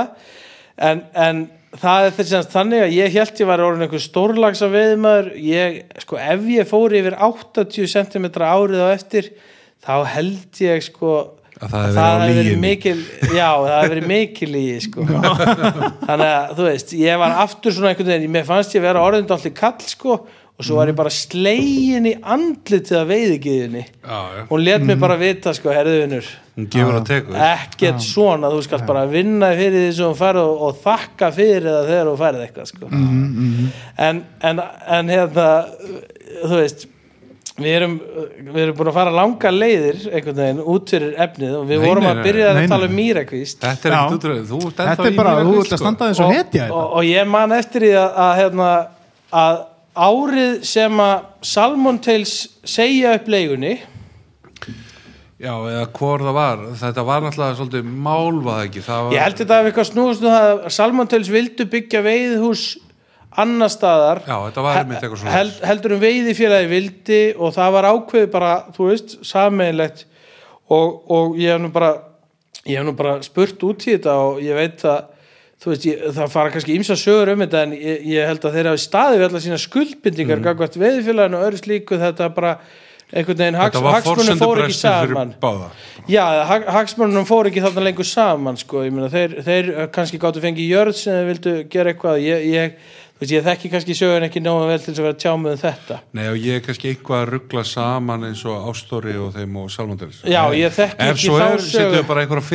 ég, ég þekki ekki þá sögu eins vel en ég veit að sko Arnar var með mjög vel nýtta ána þarna Hann líka káaríkur. Já, enda káaríkur og, og, og, og hann bolta stjarnar en, en það, það er semst þannig að hún fyrir útbóð fyrir, fyrir árið 2013 og þá erum við hann í veiðibúðinu og ég set saman svona hópa veiðimönu sem ég þekkti hérna á Akureyri til að bjóða í hana.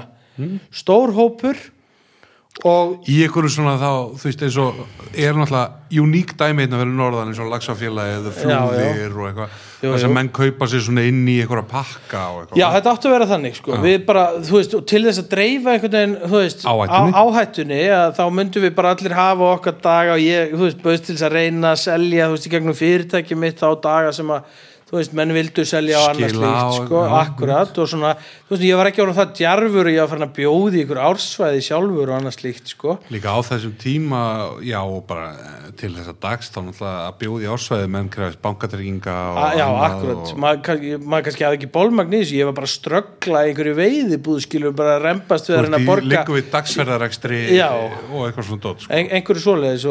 og, og, þe og þetta er þannig að við setjum saman hennan hóp en að samaskapi eins og við höfum lent í áður yes, það kemur kúrika hætturinn Lemmi mættur eins, eins og við höfum lent í áður þá voru samt ekki allir hópnum uh, sa, sammála því að það ætti að vera veið að sleppa í ánni en landegundu voru orðnir svolítið fast lindir inn á það. Já, þannig að þannig að, hérna, þannig að við bjóðum í anna en, en sko frávika tilbúð það sem má taka eitt lags á stöng á dag.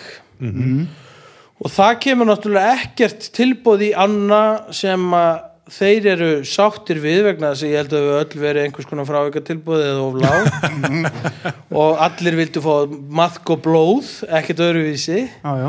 Þannig að, þannig að hérna, er þetta sponsor eða? Nei. Nei, ok, þá skulum við færa Ég er, er að fjalla þetta ósendar þetta en, hérna þannig að, það- koma sko bara frá okkur tilbúð það er bara ákveð að fríða annað í eitt ár.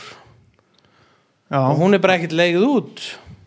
Bara, ég, ég, ég, já, við fengum reyndar að kaupa veiðilefi bara beint af landegjandum, við fórum nú þarna tvær ferðir ég og félagi mínir en, en árið eftir þá er hún að fara í útbóð aftur og þá er það Jónas félagi minn sem átti með með veðbúðuna sem eiginlega bara hvetur mig áfram og, og Stappar í stálinu. stappar í stálinu og ég, þú veist, var rosa gungamaður og bara þessi peningur ég bara, þú veist, hvernig á ég að borga þessa leigu þegar ég er búin að, þú veist, gera samkomlæðið og annað slíkt og Þú þá fengið kannski að semjum einhverja helmískreislu fyrirveiði tíma eða Jú, jú, við vorum bara með einhverja afborganir á þessu og, Mhm. og, og ég fæ bara ána þarna og ég man að ég er bara sjaldan verið stressaður. Nei. bara ég bara vissi ekkert bara verður einhver að veiða Og það er ekkert bakla Það er ekkert. Nei, er ekkert baklætt, ég byrja bara, þú veist, ég bara átti ekkert og bara, bara búin að ströggla, þú veist, öll þessi ár sem ég er búin að reyna að vera í veðibransanum og svo bara einhvern veginn, bara gengur þetta bara mjög vel og ég er enn með annað í dag og hún á svo, svo stóran og stóran stað í hjarta mínu. Þetta er svolítið svona hvað maður að segja? Ég veit ekki segja kannski surprising þróun eða eitthvað en, en með svona á, á þessum stað þið byggja þetta náttúrulega glæsild veiðús Jú, e- þetta það byrjaði er, sko. það er alveg líkil atrið bara til þess að menna að keira eitthvað og, og borga peninga til að veiða eitthvað. akkurat og þetta hvort sem munum líka það betra verð hérna á Akureyri sem voru vannar að geta skotist og eitthvað svona þá er það bara aðgengi að stærri markaði Já, sem að- er með meiri peninga og allt þetta. Já, já. þannig að það var kannski ekki kunnahópur til að byrja með það sem er kunnahópurinn í dag en, en við leigjum þannig að geitafell. Gamalt svona frekar niðun eitt hús kannski sem að þú veist og það var aðeins byrjað að laga það til sko en ég man að fyrsta árið þá var ég með svíja í júniveiði þarna í urriða. Já. og þeir voru bara, þetta er bara æðislegt og staðsettingi frábært, við erum með geitafells ána sem rennur þarna meðfram, þeir geta farið út á nóttinu og veitt sko. bleikju þarna. já, já, bleikju urriða og, og hérna og, og, og bara þeir sögðu bara, hvað kostar svona hús? Ei, bara, þú veist, ég verð bara til að kaupa þetta og svo kom rigning. Það fór allt húsið á flott það voru bara lag bara alls við vorum, bara, og- við vorum bara með fötur og flöskur og allt sem við gátum til að stoppa dropana sko. árið eftir þá skiptuðu um þak sem áttu húsið og byrjuðu svona að gera það upp hægt og rólega og þessi fyrstu þrjú ár sem ég var með samning á ánni þá vorum við með þetta geitafelli ég, ég er með breyta, svona frekar svona fína breyta sem eru búin að vera hjá mér eiginlega frá upphafi Já. og þeir kölluðu þetta The Goat House að ég var að reyna að útskýra fyrir þeim geitafell einhvern veginn og þetta var bara Go- the, Goat Mountain. The, Goat Mountain, já, einmitt, og þetta var bara einhvern veginn The Goat House og eitt þeirra sko kom eitt árið með svona platta, þeir komum tvisvar á ári eh, stundu komaði tvisvar á ári, stundu komaði í tíu daga þú veist, yfir, sömarið en, en þeir komið með svona platta svona flýs sem var búin að skera út The Goat House sem var skrúað utan á húsið og, og, og þú veist og menn bara sættu sig við þetta. Pappi, pappi þú veist, mér vantaði stundum kokk menn vildu fá full catering. Pappi kom bara að eldaði fyrir liðið og þú veist, og, og bara maður einhvern veginn bara reddaði sér skilur úr Já, já. engu. Og þetta er bara eins og allt hefur verið á mér. Maður bara, þú veist, er einhvern veginn að að skítmixa hlutina til þess að þið virki og svona. Já, já, en síðan bara síðan þegar kemur að því að endur nýja þá er áinn bóðin út aftur og ég fæ ána og þá eru landegjöndur orðnir ákveðnir því að byggja veiðhús og, og nú er þetta náttúrulega bara orðið virkilega þægilegt fyrir menn að koma og gista aðna og, og, og þetta er nú búið að þróast þannig núna í sumar var nú svona í fyrsta skipti sem við erum með álfuru kokker í húsinu og við erum með hann Óskar félagi minn var að hætta í, í starfi síðasta vor og kom að vinna hjá mér gríðarlega góðu kokkur og Já. svona færði levelið á þessu öllu saman svolítið svona upp á næsta level bara og einhvern veginn líka þjálfaði ég leiðsögumenn sem eru ungir og graðir eins og ég var í byrjun skilur og, Mhm. og, og bara sem að hugsuðu ótrúlega vel um kunnana sína Mhm. e, við, við löguðum eða höfum svo sem frá því ég byrjaði þarna að vera að laga veiðistæði Mhm. lagsar áttu það til að liggja með hausan undir steini eða undir bökkum var ómulett að veiða það og náttúrulega efsta svæði ég, nú, ég bara veitt þarna einu sinni en, en hérna góðinu minn Rúnar Rössel, hann er náttúrulega tegndur í nýta fossa Rúnar Rössel já, já. ekki, nei ok er Hel, að Rúnar Helgi Kristinsson Nei, ok, þetta er annar, þetta er annar heldur en ég er að hugsa, Já. um, ok. en þú veist, hann hefur til dæmis bara sagt mér, þú veist, það þarf aðeins að svona sjá um þetta þú veist, Já. efsta svæðið fyllist að slíi Akkurat. það þarf aðeins að njaka til stöðunum og, og svona Og það, þetta var þannig að þessi ár, við vorum aðeins byrjar að eiga við veiðistæði og ellisteinar hjálpaði nú mér mikið í því og við vorum nú kannski held ég samt svolítið að slíta batskónum saman í því. Við vissum ekki beint, þú veist, hvað, hvernig þetta, þú veist, hve- hvernig á, á góðu veiðistæðar að vera og við vorum að prófa alls konar en svo, svo bara einhvern veginn lærðum við að reynslunni og núna erum við komið með uppskrift af því sem virkar.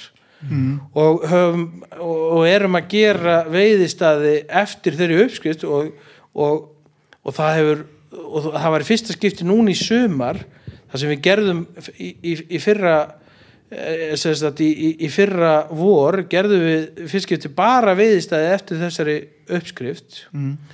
Og samkvæmt tölfræðinni sem hann, hann Elli tók saman fyrir mig þá var þetta þannig að við sagt, þegar ég tek við 2014 þá bera þessir staðir sem við erum núna búin að lagfæra ábyrð á 4% af veiðinni en í sömar 2019 þá bara er ábyrð á 38% af veiðinni Nei, wow þannig að þá, þá fæði maður allt í hennu svona vá, Ok, þetta er að að virka gera eitthvað rétt. það er hérna, náttúrulega sko. líka mikilvægt fyrir eins og þú veist, þetta er fly only river að ná lagsirum upp úr gljúrónum og hann já. hafi þú veist, eins, eins falleg og tilkommingil og þau eru Já, það já. er náttúrulega kannski skemmtilega fyrir flugið menn að veiða þá hérna upp á dal Jú, jú, en, og, en samt þessi ár sem að ég er náttúrulega búin að vera þarna þú veist að það var þetta challenge hvernig veiði maður lags á flugu hér.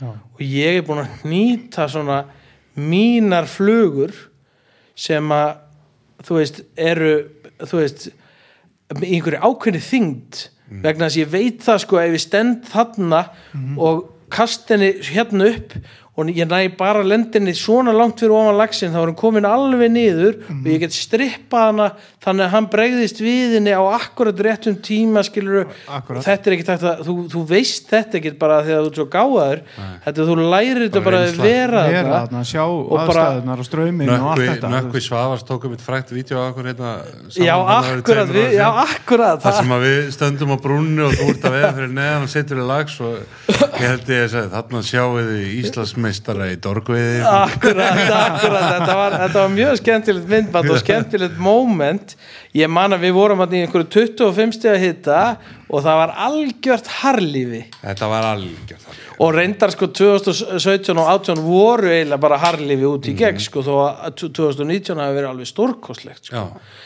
en ég man eftir því að við ákvaðum að fara bara heim og borða kvöldmann snemma og fórum og, og jafnvel fengum aðeins í okkur sko. Ég var um að taka við þetta daginn eftir ég var í gistingu hérna hvað heitir það, hérna fjárvera hérna Já, í fjárveru hjá hann, hann Ég reyni var hérna, ég er á fjárvera eitthvað og ég er að býða hérna bara eftir kópelingunum og Já, akkurat, Já, akkurat. blessa viklaður þetta yfir maður. Og það er alltaf helgits fyllir í og vesen sko.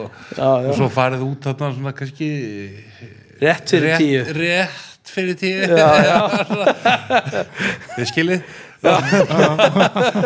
og þar var dorgaður lags já, já, og það var bara, held ég, bara eini lagsin sem að vittist þann dag eða eitthvað svoleiðis. Þetta var, var alg, algjört harlifi og hérna, en það, var, það, er, það er lengi von á einum fyrir því, sko.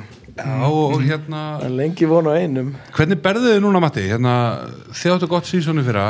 Lagsveið á Íslandi hva, ég, ég, veist, það þarf ekki að hafa mörg, á, mörg orðum um 2019 þar.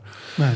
Nei, hvernig gengur að selja á núna 550 km frá aðal kunnahopnum og, og hérna og tvö, tvær flugferðir frá Európu mér gengur bara alveg ágætlega að selja. Og það er sko það, 2000, að selja fyrir 2018 og, og, og 2017 sömurinn var erfiðara fyrir mig af því að, eða kannski fyrir já, ég segjum það var búið að vera kannski, það var erfið veiði 2017 og 2018 það var pínu erfiðara þá. Ég er náttúrulega þó þetta hafi verið pínu bitur súrt að, að við vorum í bara bullandi veiði og nóga vatni í fyrra át af því hvernig annars það var á Íslandi. Og áinn alltaf ekki fullkóla seld. Nei, nei, og, en, en, en þá er ég bara en betur þá þór þeir kunnar sem komu fengun alltaf að njóta þess Jú, og, jú, og við bara, þeir sem að við vorum að gæta, við gætarnir þarna, þeir fengu lags já, Já. og það var bara þannig og ég meina, ég, ég man eftir einum kall sem kom í júli algjör byrjandi, aldrei fengið lagsáður og fer heim með sjö, þú veist Já, sjö í beltinu, geggjað. skilur bara, þú veist. Geggjað. og ég meina, sá maður ég meina, hann náttúrulega vildi bara koma aftur á sama tíma og við verum bara að vona að þetta gangi vel. Áinn er mjög vel seld. Það, er ekki, það er ekki mikið að holum laus þarna. það er, ég á aðeins í júli þeir, þeir voru að taka bíómynd þarna í júli í fyrra já, einmitt sem að var fórsett í gær. Já, og þeir, þeir voru með alla ána frá 8. til 22. júli þegar að þessi þáttu kemur út sko, þá verður hún komin í kvikmyndahús. Já, við skulum snerta, snerta þess á þessari myndu eftir. En þeir voru með ána á leigu fyrir kvikmyndatökuliðið, voru með veiðuhúsi líka og voru að taka upp þar inni. Þannig að ég, þú veist, á ennþá eitt þryggjadaga og eitt tveggjadaga í júli á þessum tíma sem þeir voru að taka upp af því ég bara var ekki með endur komu kuna þar. Já, þannig að það er svona, þú veist, ennþá hægt að kroppa eitthvað, já, ennþá aðeins í vorveiðin í sílungnum já, en þú er búin að segja líka á sýningunum úti í vetur og svona Jú, jú, jú, ég er búin að vera duglegur og, og, og fara víða og, og, og, og heppin með það hvað var góð veiði og margir vilja koma aftur og Mhm. Nú bara vonum við það að sumarið standi undir þeim væntingum sem þessi veiðmenn sem voru hjá okkur í fyrra að hafa. Það er mjög mikilvægt af því að ég, við erum í langklöpi Já, þetta er, þetta er veið að sleppa stríðið og reyna að byggja upp. Já, já, þetta er þannig og þe- þetta, er, þetta, hefur ekkit, þetta hefur ekkit verið auðveld vegferð og þannig að ég held að sé bara um að gera að reyna að halda áfram að vera duglegur og vonast til þess að maður hafi veiðimenn í öll þessi veiðilefi sem maður hefur að selja og, og, og að veiðin gangi vel að aðstæða séu góðar. Ef við fjarlægumst aðeins aftur hérna mýrakvíslina og komum inn á hann aftur eins og með, með hérna kvikmyndatökulið og eitthvað. Já, uh, Þú ert náttúrulega með fleiri svæði. Það er Lónsá, það er það sem að menn kalla þess að vorveði brunná sem Já. er eh, svona skil brunná við jökulsá Já, akkurat, það er svona lítið, það er svona, þarna við brúna, neðstu brúna á Jökulsá f- f- kemur smá eh, vatn og saminast brunna á. og náttúrulega leikir leikmaður mm. stjörnulags Já, já, já, það er, er það. Silvustjarnan já fyrir Já. ekki Jú, jú, og þetta er svona pínu eins og minnivallalækurum var eða varmáin. Já, veist- útræðsli var Já, það eru einstök skilirði fyrir fisk að vaksa verulega hratt þarna á þessu svæði. Og, og ef það er ekki skilirði til þess þá allavega er einhver lykt sem gerir allan fisk á þessu svæði vittlusan Já, og veist bara það, það er alveg augljóst að á vorin þegar að veiðin er að fara stað þá sapnast þarna saman gríðarlega magna stóru fiski sem hægt er að veiða. Við vorum einmitt að tala við hann Ellasteinar í gær. Já, og hann hefur einmitt verið að merkja fiska upp í litla já og sem að hafa svo verið að, já, og sem Ég hafa hef svo verið að veiða þarna. Já. þannig að sko þannig að, jú, jú, þessi, það er samgangur. Það, það er ræsi úr skjáltavatni sem liggur yfir jökulsóna mm. og ég hef alveg séð það þegar kemur ganga. Góðu sopi ég, hérna. ég hef séð það þegar kemur ganga eh, niður brunnunarunni frá Sandáni sem er þessi litla þetta litla hliðavatt sem rennur úr jökulsáni og, já, og stundum í ármótunum þar sem þessar tvær ár mætast brunna og, og sandá. Það er algjörlega bara stórkostlegt þegar það eru allt í hennu bara hundra stóri urriðar þarna en svo kannski bara 20 setna er engin en, en þá eru komnir hérna niður eftir sko. Já. maður sér það líka sko ef maður fer hérna niður eftir og neðan við silfustjörnun og þar niður í svona í átt að sjó og maður sér það að það, það koma bara eins og glænýr sjóbyrtingar þeir eru bara með laust hristur og, og þá eru það sennilega fiskar sem komur í jökulsáni eða, eða litláni niður og upp þarna eða bara hvaðan sem er annar staða frá. Ég, maður hefur enga veginn almennilega skilning á þessu svæði en náttúrulega ókosturinn við þetta er sá að síðan byrja jökulbráðnun einhvern tíman og jökulsáin stækkar það mikið að sandáin verður risastór. Og þetta verður algjörlega óveiðandi þarna fyrir neðan. En við erum hins vegar að gera góða veiði upp í brunnunum líka það er ekki mikið magna fiskum en það er yfirleitt quality. Já, og not, notum hits, þú veist, erum að renna hits yfir lækjadarsbreiðu sem er nú bara Já, með fall, falleri veiðistæðar sem til er. Svona míní lagsaði mjög sendum að það er líka alveg svona eh, 150 ára gamall hérna, byrkiskór Já. þetta er- þetta, er- stór, stórkostlegt sko þú hefur einhvern veginn þú veist, maður fer þarna niður einhvern veginn og, og ég veit ekki hvort að Elli notaði myndlíkinguna sína sko, eru nokkuð börn sem hlusta á hana þátt? Láttu bara flakka með ok, sko, já, við nefnilega sko að því að án þess að ég ætla að fara eitthvað út í Lónsá þá höfum við stundum rætt svona svolítið mismunin á, þú veist, Lónsá og Brunná þarna. Og Elli kom eiginlega með bestu samlíkinguna sko. Að veiða þarna neðst í sandáni Já. er svona pínu eins og að fá blowjob frá mellu í einhverju dimmu húsasundi Ó. það þú ert alveg pissfullur þú veist ég meina það gerir eitthvað fyrir þið Já, skilur já. en það er veist, kannski en það skilur alveg- ekkert voðalega mikið eftir sig, sko. en svo ferði yfir í lónsána sko, og það er svona pínu eins og að njóta ásta með konu sem ert búin að eldast við árum saman og loksins, Loksins. Já, er hún búin að sína þær áhuga skilur Já. ok, þetta var Þetta er eh, mjög gott. mjög góð, ég held að allir skilji þessa byllingu Er það ekki? En en nema kannski hérna, konuna sem er að hlusta. Það er nú næst þetta hjá bara listanum. Ég langaði að nefna við í Lónsá hérna, já, þú veist, þetta er náttúrulega útnári Íslands uh, jú það er erfitt að fá fólk í lónsá ég get alveg menn, menn líka sko sko eins og hérna Matti hérna sem situr hérna og Já, já. fleiri og þú er nú æst í mér hérna með þetta sko bara förum í lónsá, hættu þessi Já. kjartaði En svo tala maður við aðra "Æ, þetta er einhver helvits kanall maður það er ekkert gaman að þessu og jú, la." jú, en það er satt sko, þú veist en þú veist, þú þarft einhvern veginn að fíla þessa rómantík sko, þú þarft að vera til í forleikin og allt sem fylgir þessu skilur Þetta eru menn á því kynferðislegir. Já, Já, og það er bara þannig sko. Já, ég er nú Ég er bara að fara beint í þetta yfirleitt sko. Já, þú, það er svoleiðis, já, ég, ég er ekki þar, sko, ekki gagvært lónsáni allavega. Þegar Hafstedt lappar á hil þá rækir hann í hann fyrst og svo bara veður hann í hann. Akkurat, sko, en lónsáin, þú veist, Ok, við Já, veit það nú. Er þetta ekki live eða? en, en, en allavega þá, lónsáin er þannig að þetta er náttúrulega sko, þetta er stórkostlegt veiðisvæði en, og, og ástæðan fyrir því að eða, eða ekki ástæðan fyrir því við skulum segja bara svo staðreind hvað þetta er langt í burtu þú veist, gerir þetta náttúrulega pínu erfitt.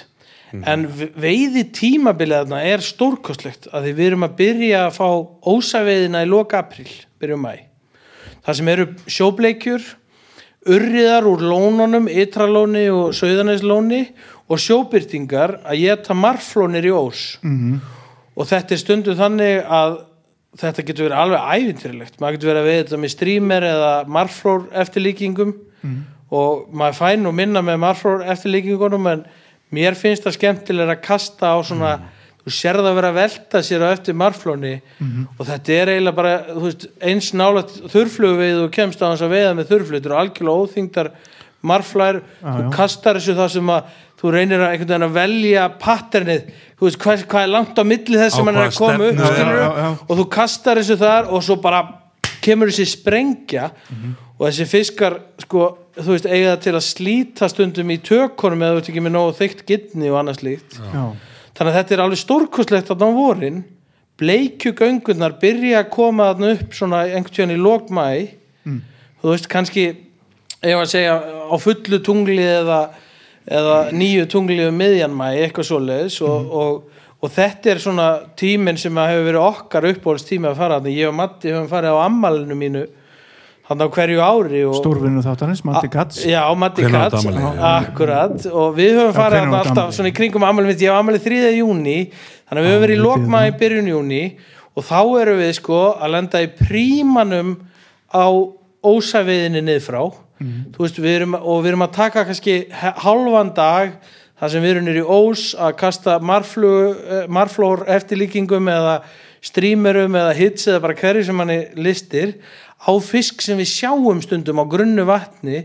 Út að reyna að kasta vel fyrir ofan að láta reka niður og stundum eru, eru, eru sjáaföllin þannig að það er ekki mikil ströymur og þú veist og svo þetta strippa og þú ert að fá það til að elta þetta. Síðan kannski morgun eftir byrjum við upp í á og erum að taka fyrstu bleikjugönguna sem kom upp. Já. og það er komið torfum. Og þú veist Já, og, það kemur bara, þú veist, inn bara 150 stykki það í kom í torfum og við getum kannski, ég, þú veist, við getum kannski nefnt þrjá veiðistæði þar sem þú ferð og það er gjörsanlega smekka þarna. Ekki nóg með það að það er að fá sér eh, á hann að mið, miðjustæðnum maður getur bara setið það er svona fullkomi sæti þarna við staðin við höfum Ah. kallað þetta djúpill ég veit ekki hvort hann he hefur nafn en við höfum kallað þetta djúpill maður situr bara svona dúllar einhverju veist, þetta er teknísk veiði Þetta er Þetta er veiði líkt og, vatn og, þetta, er, þetta er erfitt, það er ekki mikill ströymur og við erum að nota kannski tveggja stangalengda taum og við erum ekki að nota tökuvara við erum að, þú veist, hreyfa fluguna á þeim hraða vinna sem að- saman, jafnvel einna spotta A- Akkurat og þetta er þú veist, rosalega krefjandi en skemmtilegt og náttúrulega kannski ekki eins krefjandi í þessum hiljum sem eru 150-200 bleikjur í sko. Nei, Nei, nei. En mér finnst líka gaman að labba á þessum tíma og hitta á einu og eina bleikju þó maður jafnvel hitti bara á eina maður náttúrulega sé myndi frá sér þetta eru svona stór grjót einhvern veginn svona Já. abnormal í stór grjót og Þetta er svona heiðar grónir bakkar. Já, þetta er svona Arnavas heiðafílingur einhver svona átnar þar og, og annað slíkt sko. en síðan, síðan er þetta þannig að bleikjan hún er í þessum torfum þarna svona fram í miðjan júli og þá fer hún að dreifa sér þá fer hún að dreifa sér í hérna, í skal ég segja þér þá fer hún að dreifa sér meira og þá fer, fer að rekast á svona tvær bleikju hér og tvær þar og þá ertu meira farin að geta labba á hana og þá verður hún auðveldari en mér hefur bara ekki tekist að fá veiðimenn í ána í mikið í ágúst og september Nei. Þetta er langt að fara menn kannski búni með sömafríð og þú veist, bara, þú veist, ég bara er ekki að fá mikið að veiðmenn nema kannski útlendingar sem koma og þá er engin búin að vera kannski viku, tvær í ánni og það er náttúrulega bara crazy. Já. Fyrir utan það að er einhvern tíðan í kringum mánaðamótin e, og fer svolítið eftir vatni og öðru slíku þá kemur sjóbyrtingurinn og örriðin úr lónunum og gengur upp upp. ásamt einhverju svona slangri af, af, af lagsi hann yngi myndur á veiðkortinu Já. nefnum hann og aftur að maður er myndið að segja okkur frá því þú veist, það er í vöttana sem að aðgang og sjó Mhm. á melrækka sletturni með, sem er inn í veiðkortinu þú veist hvað það getur verið ævin, ævintýralegur heimur þarna sko. A- algjörlega lækir sko. ástæðar á milli og já bara og ekkert stóri lækir bara Nei, nei, og, og þetta, þú veist, þó, þó þetta sé pínu lítil á og annað, þannig að það verður náttúrulega stórkostleitur og hittir og þessar göngur koma upp bara eins og allstaðar sem hittir á göngur. En, en, en menn bara einhvern veginn er ekki mikið að leggja sína leið þarna, sko, þannig að þú veist, í rauninni hef ég ekkert að rempast heldur við að fá okkur ægilega nýtík á þessum tíma, það er rosa gott að geta bara að fara með útlendinga og það er búin að vera í ánni viku og gefa þeim bara bestu upplifun mögulega og, og þetta sittur eftir úr ferðinni hjá þeim sko. og, við, og við erum með hátt endur bókunar hlutfall þarna þó að okkur gangi kannski illa að selja akkuröringum eða first time clients gengur Já. illa að koma mönnum hann í fyrst geti Já, en, en þeir koma og upplifa þetta, sérstaklega þeir sem fara með gæt skilur og fá þessa upplifun Mm. þeir koma aftur og þetta er ekki dýr veiði eða? Nei, ég meina bara eins og öll önnur sílungsveiði sem ég selum kostar 15 skall Já. Ég dýrt er náttúrulega bara afstætt eftir hvað þú þérna mikið ég er náttúrulega mikið, ég veit ekki hvort að ég hafa verið þessu sig Nei, já, ég getur kannski lánað þér eða eitthvað, Já, þú getur kannski fengið að borga mig setna Já, já, ég, ég sé sleið, sleið út Aðstein, þú, þú, þú ert náttúrulega að fara að skilja það að þú getur farið að sníkja stöf sko. Já, ég, Nú, já. ég, ég, ég myndi bjóða þér sko, en ég bara, þú veist, það er bara, það er bara alltaf pínu hættulegt sko, þú veist Það er eftir að, feiku, eftir að, eftir að feiku þið í þáttinn þá, þá nennir ekki að hlusta á þetta lengur þannig að það er ekki leður það er bara þannig þetta er bara búið Já, En hérna, þú nefndið við mig hérna þegar við vorum að undirbóka fyrir þáttinn Já. uh, Óþægilegt pick-up á Já. með, með rúsneska viðmenn eitthvað rússar eru Já. skemmtilegir, eða ekki? Og- ég, veistu það, ég hef alltaf kunnað vel við rússa og fyrsta skipti sem ég upplýði að vera með rúsneska veiðmenn þá var ég að gæta í jöklu og enginn af þeim talaði neina ensku Það er best að vera það, mér finnst það og ég, þú veist, ég, ég veit ekki þú veist, hvort að það sé bara ég en ég veit að sömur eh, að hinum leðsömmunum voru ekkert sérstaklega ánæði með þetta og fannst þetta svona frekar svona second class gætir í sko en ég bara þú veist, ég meina rú, rússarnir eru kannski ekkert eins mikið að sína tilfinningar og við Íslendingar svona í svipriðum og öðru slíku. Hafa þið tilfinningar? Eh. Jú, þeir hafa það, alveg 100% ég hef sko enga fórtum Já, já, ég hef séð það. Ég ætla ekki að fara til það núna. Nei, nei, nei en, en, en það var sérst þannig að þegar þeir tala ekki sama tungumál og þú þá ertu forst til þess að nota body language. Já, búa til nöfni yfir hluti sem er einfalt fyrir þá að skilja og annað slíkt og, og þú ert allt í hennu farin að eiga þetta interaction Da, bara alls sem da, myndir eiga með hverjum,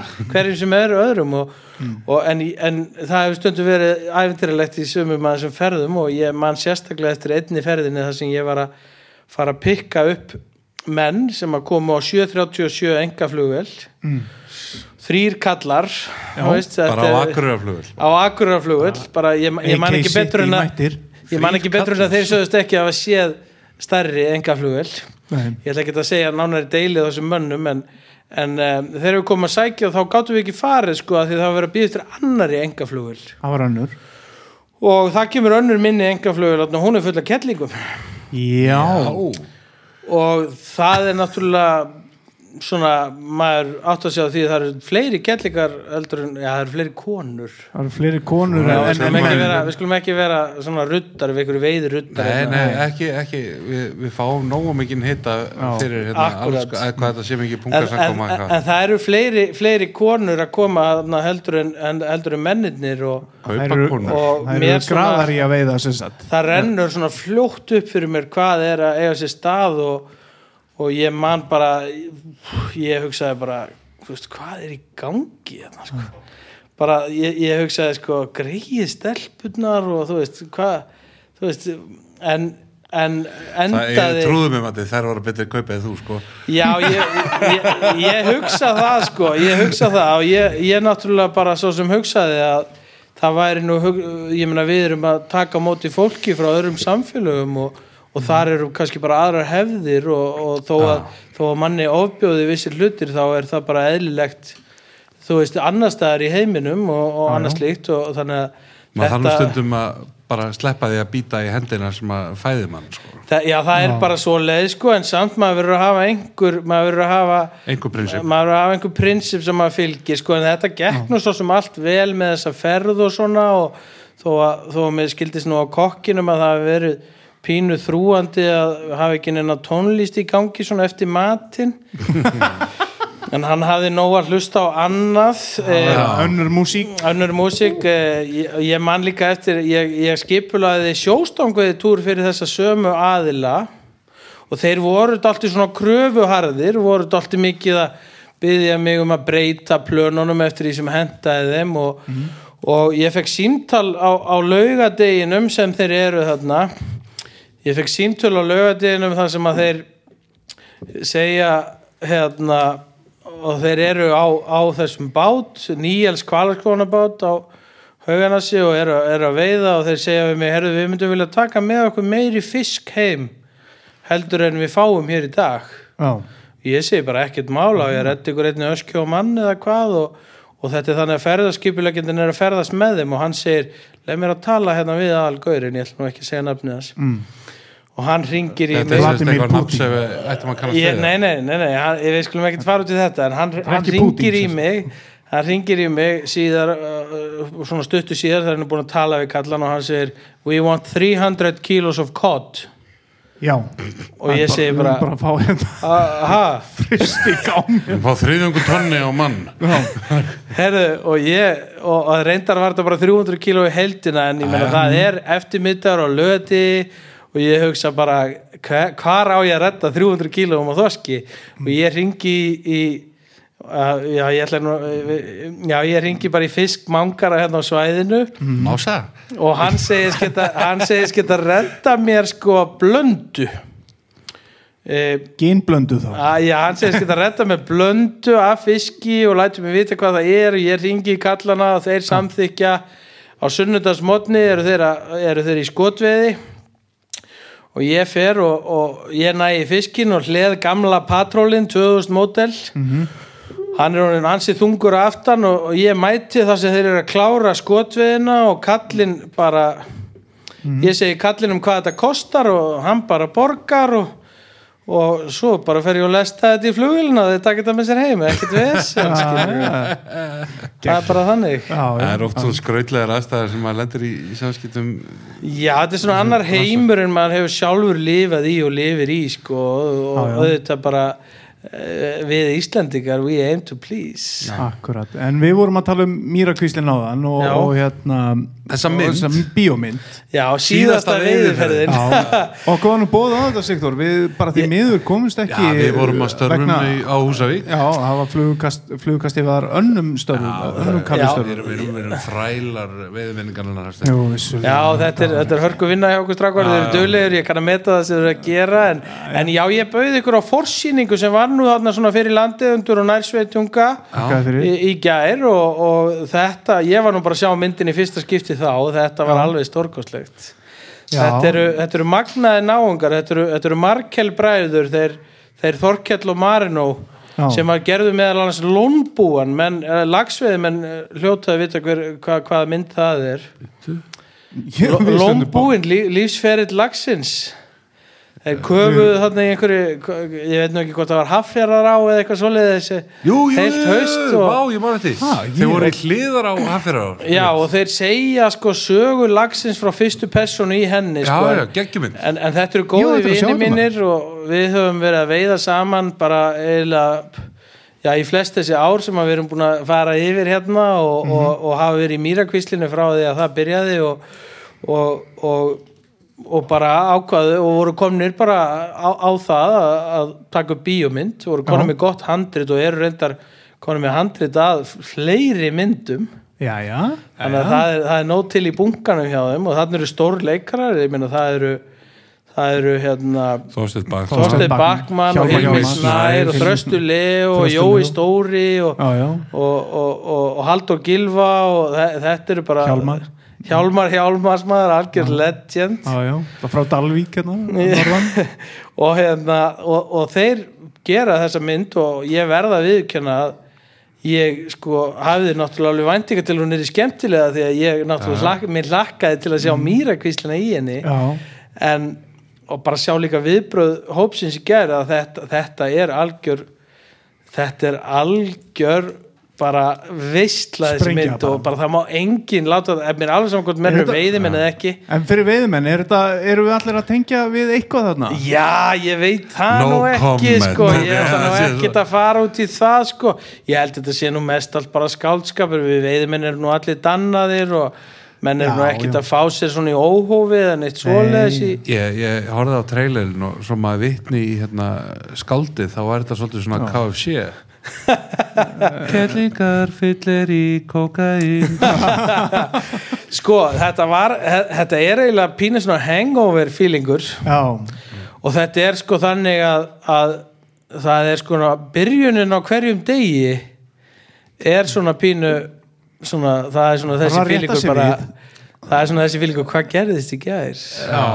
Og síðan einhvern veginn svona fer það að raðast og áhörundin er svolítið látin hérna er svolítið látin uh, fylla inn í eigðurnar sjálfur en, en þetta var eiginlega 90 mínútur af stanslösum hlátri þetta er Shit, þannig það er Það okkur þannig. laka til að að kíkja á þetta. Við kannski gerum eitthvað á, gerum eitthvað fluga sýningu bara fyrir Það væri þetta skemmtilegt. Það sko. væri kannski eitthvað, það væri allavega gaman að Hitt- að stefna veiðimönnum saman veiðimönnum saman í eina sýningu Ég held líka að þið þið þyrftu eiginlega að hitta þá strákana og tala eins við þá því þetta eru, þetta eru stórkostlegi menn Það og er já. frábær þeir, þeir eiga frá mörgu að segja þeir Marin og Þorkell og eh, það- ég, ég veit nú sennilega ekki meiri, meiri sögum en sko það er, það er hérna, það er á ýmsu að taka þar. Mhm, þó að þeir séu nú kannski bara búin að taka flestar sögurnar sínar og setja í handrit.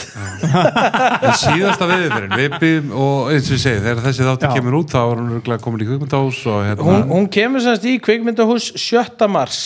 Já, Nú, ok, já, Já. ok. Það er svona um það leiti sem það þurfa að koma já. Já, það gæti verið. Já, 7. 7. mars kemur hann í kvikmyndahús. Ég hveit alla til að sjá þessa mynd sjá hvað mýrakvíslin er falleg og sjá hvað það er. Já, já, ég, ég sá að mitt bara stiklu úr þessu og maður alveg, það voru staðir hérna sem voru goddamn sexy gyrnilegi sko. Já, þakkaði fyrir það ég, ég, ég, mér finnst það allavega en það, það, það er misjöfn skoðun manna vissulega, En vissulega Matti, við erum hérna svona, listin er alls ekki orðin tæmdur hjá okkur það er Ok. við erum með ansi margt hérna Hvernig eru við tímalega sér? Við erum góðir við erum sko. eiginlega bara að klára þetta núna Er það, ok, já, já. hérna, Já, við náðum já. því miður ekki að fara í eins og svæðin fyrir neðan hérna stíplu í lagsá og svona. Nei, nei, En nóa hérna- er á að taka bara Já, og við bendum hérna mönnum á veiðitorg.is sem, Já. sem að stóðu með okkur í því að gera það veruleika við kemum innan orður og, og aðvis einnig Já, já, það er alltaf frábært hérna, fyrir menn að vinkla sér bara í flugi hérna til Akureyrar og- Sigþór, við töluðum líka um það hérna, okkur er búin að líða það vel hérna fyrir norðan og, og við erum það sáttir við eh, ef að einhverjir vilja hjálpa okkur á næsta ári og annað þá langaðu okkur að koma aftur hérna því að hér Sigþór er að nóg að taka Það er að næga að taka og við komum, ef við ekki bara segja það núna, við komum aftur á næsta ári. við komum aftur á næsta ári stráka, það er bara flott já, já. En heyrðu veiðilagið, Matti, Veiðilagið, já, þú varst ég, alveg viss um hvaða listamann þú vildir. Já, Já, ég, en þú veist, það ég, var- ég segi bara, þú veist, það er Elli, sko, bara út Það af, þú veist, ég, ég er bara búin að eiga stundir með nökkva og, og núna síðast í fyrra mána líka, þú veist, Mhm. og bara, Sónum þú hennar. veist, við, já, sonum hennar og við erum búin að, þú veist, við nökkvi erum búin að liggja undir reglif í mýrakvíslinni og södra við góða tóna og, og þú veist, það sem að áinn bara fær að renna og við erum ekkert að ekkert að hamast að benda á lagsinum. Það er Eh, erlend lag sem að sungið er Elí og Já sko, ég bara, Við- þú veist, ég bara, ég bara eina lagið sem að ég hugsa um er bara heyr mína bæn Káarlag. Já, já, og ég segi Ég, bara má, ég er að ná einu þetta. ég, ég segi papp, pappi fyrir geðu en áfram káir Nei, maður, minn hvað maður, rugl er þetta? Hvað hva eru blíkarnir hérna? Hvað eru margir blíkar í Hva, Hvað segirðu? Nei, Hva, Líkar, já, eh, kemur ástöð minn. Er En hérna, ég. þetta er náttúrulega stórkurslegt lag sem þú valdir, Hermína Hel- bæn, heldur eh, betur. Betur. treyi. Hún getur Já, já. en fegur, það er gríðarlega fegur í þessu lagi sko. Já, já, þetta er svona ég er svona frekar mjúkur inn við beinið Já, mm, mm er það aðstæðan ef ekki treysta því að, að Elísi byrjar að kyrja ég hérna held undir að sé byrjað píanóspilið hérna undir sko og, og með því bara Mati Þakkuðu bara- matta fyrir Já. komuna bara? Já, bara, Takk kjærlega fyrir mig, strákars já, takk fyrir Já, okkur frábært. og takk fyrir að gefa það tíma og enn og aftur þökkum minnum aftur á Já. bara takk fyrir að hósta okkur hérna algjörlega frábært. Já, endalösa þakkir. Og já, Og bara- ringjum út. Já, takk fyrir okkur. Bye bye. Bye. Heyr mína bæ. Mildasti blær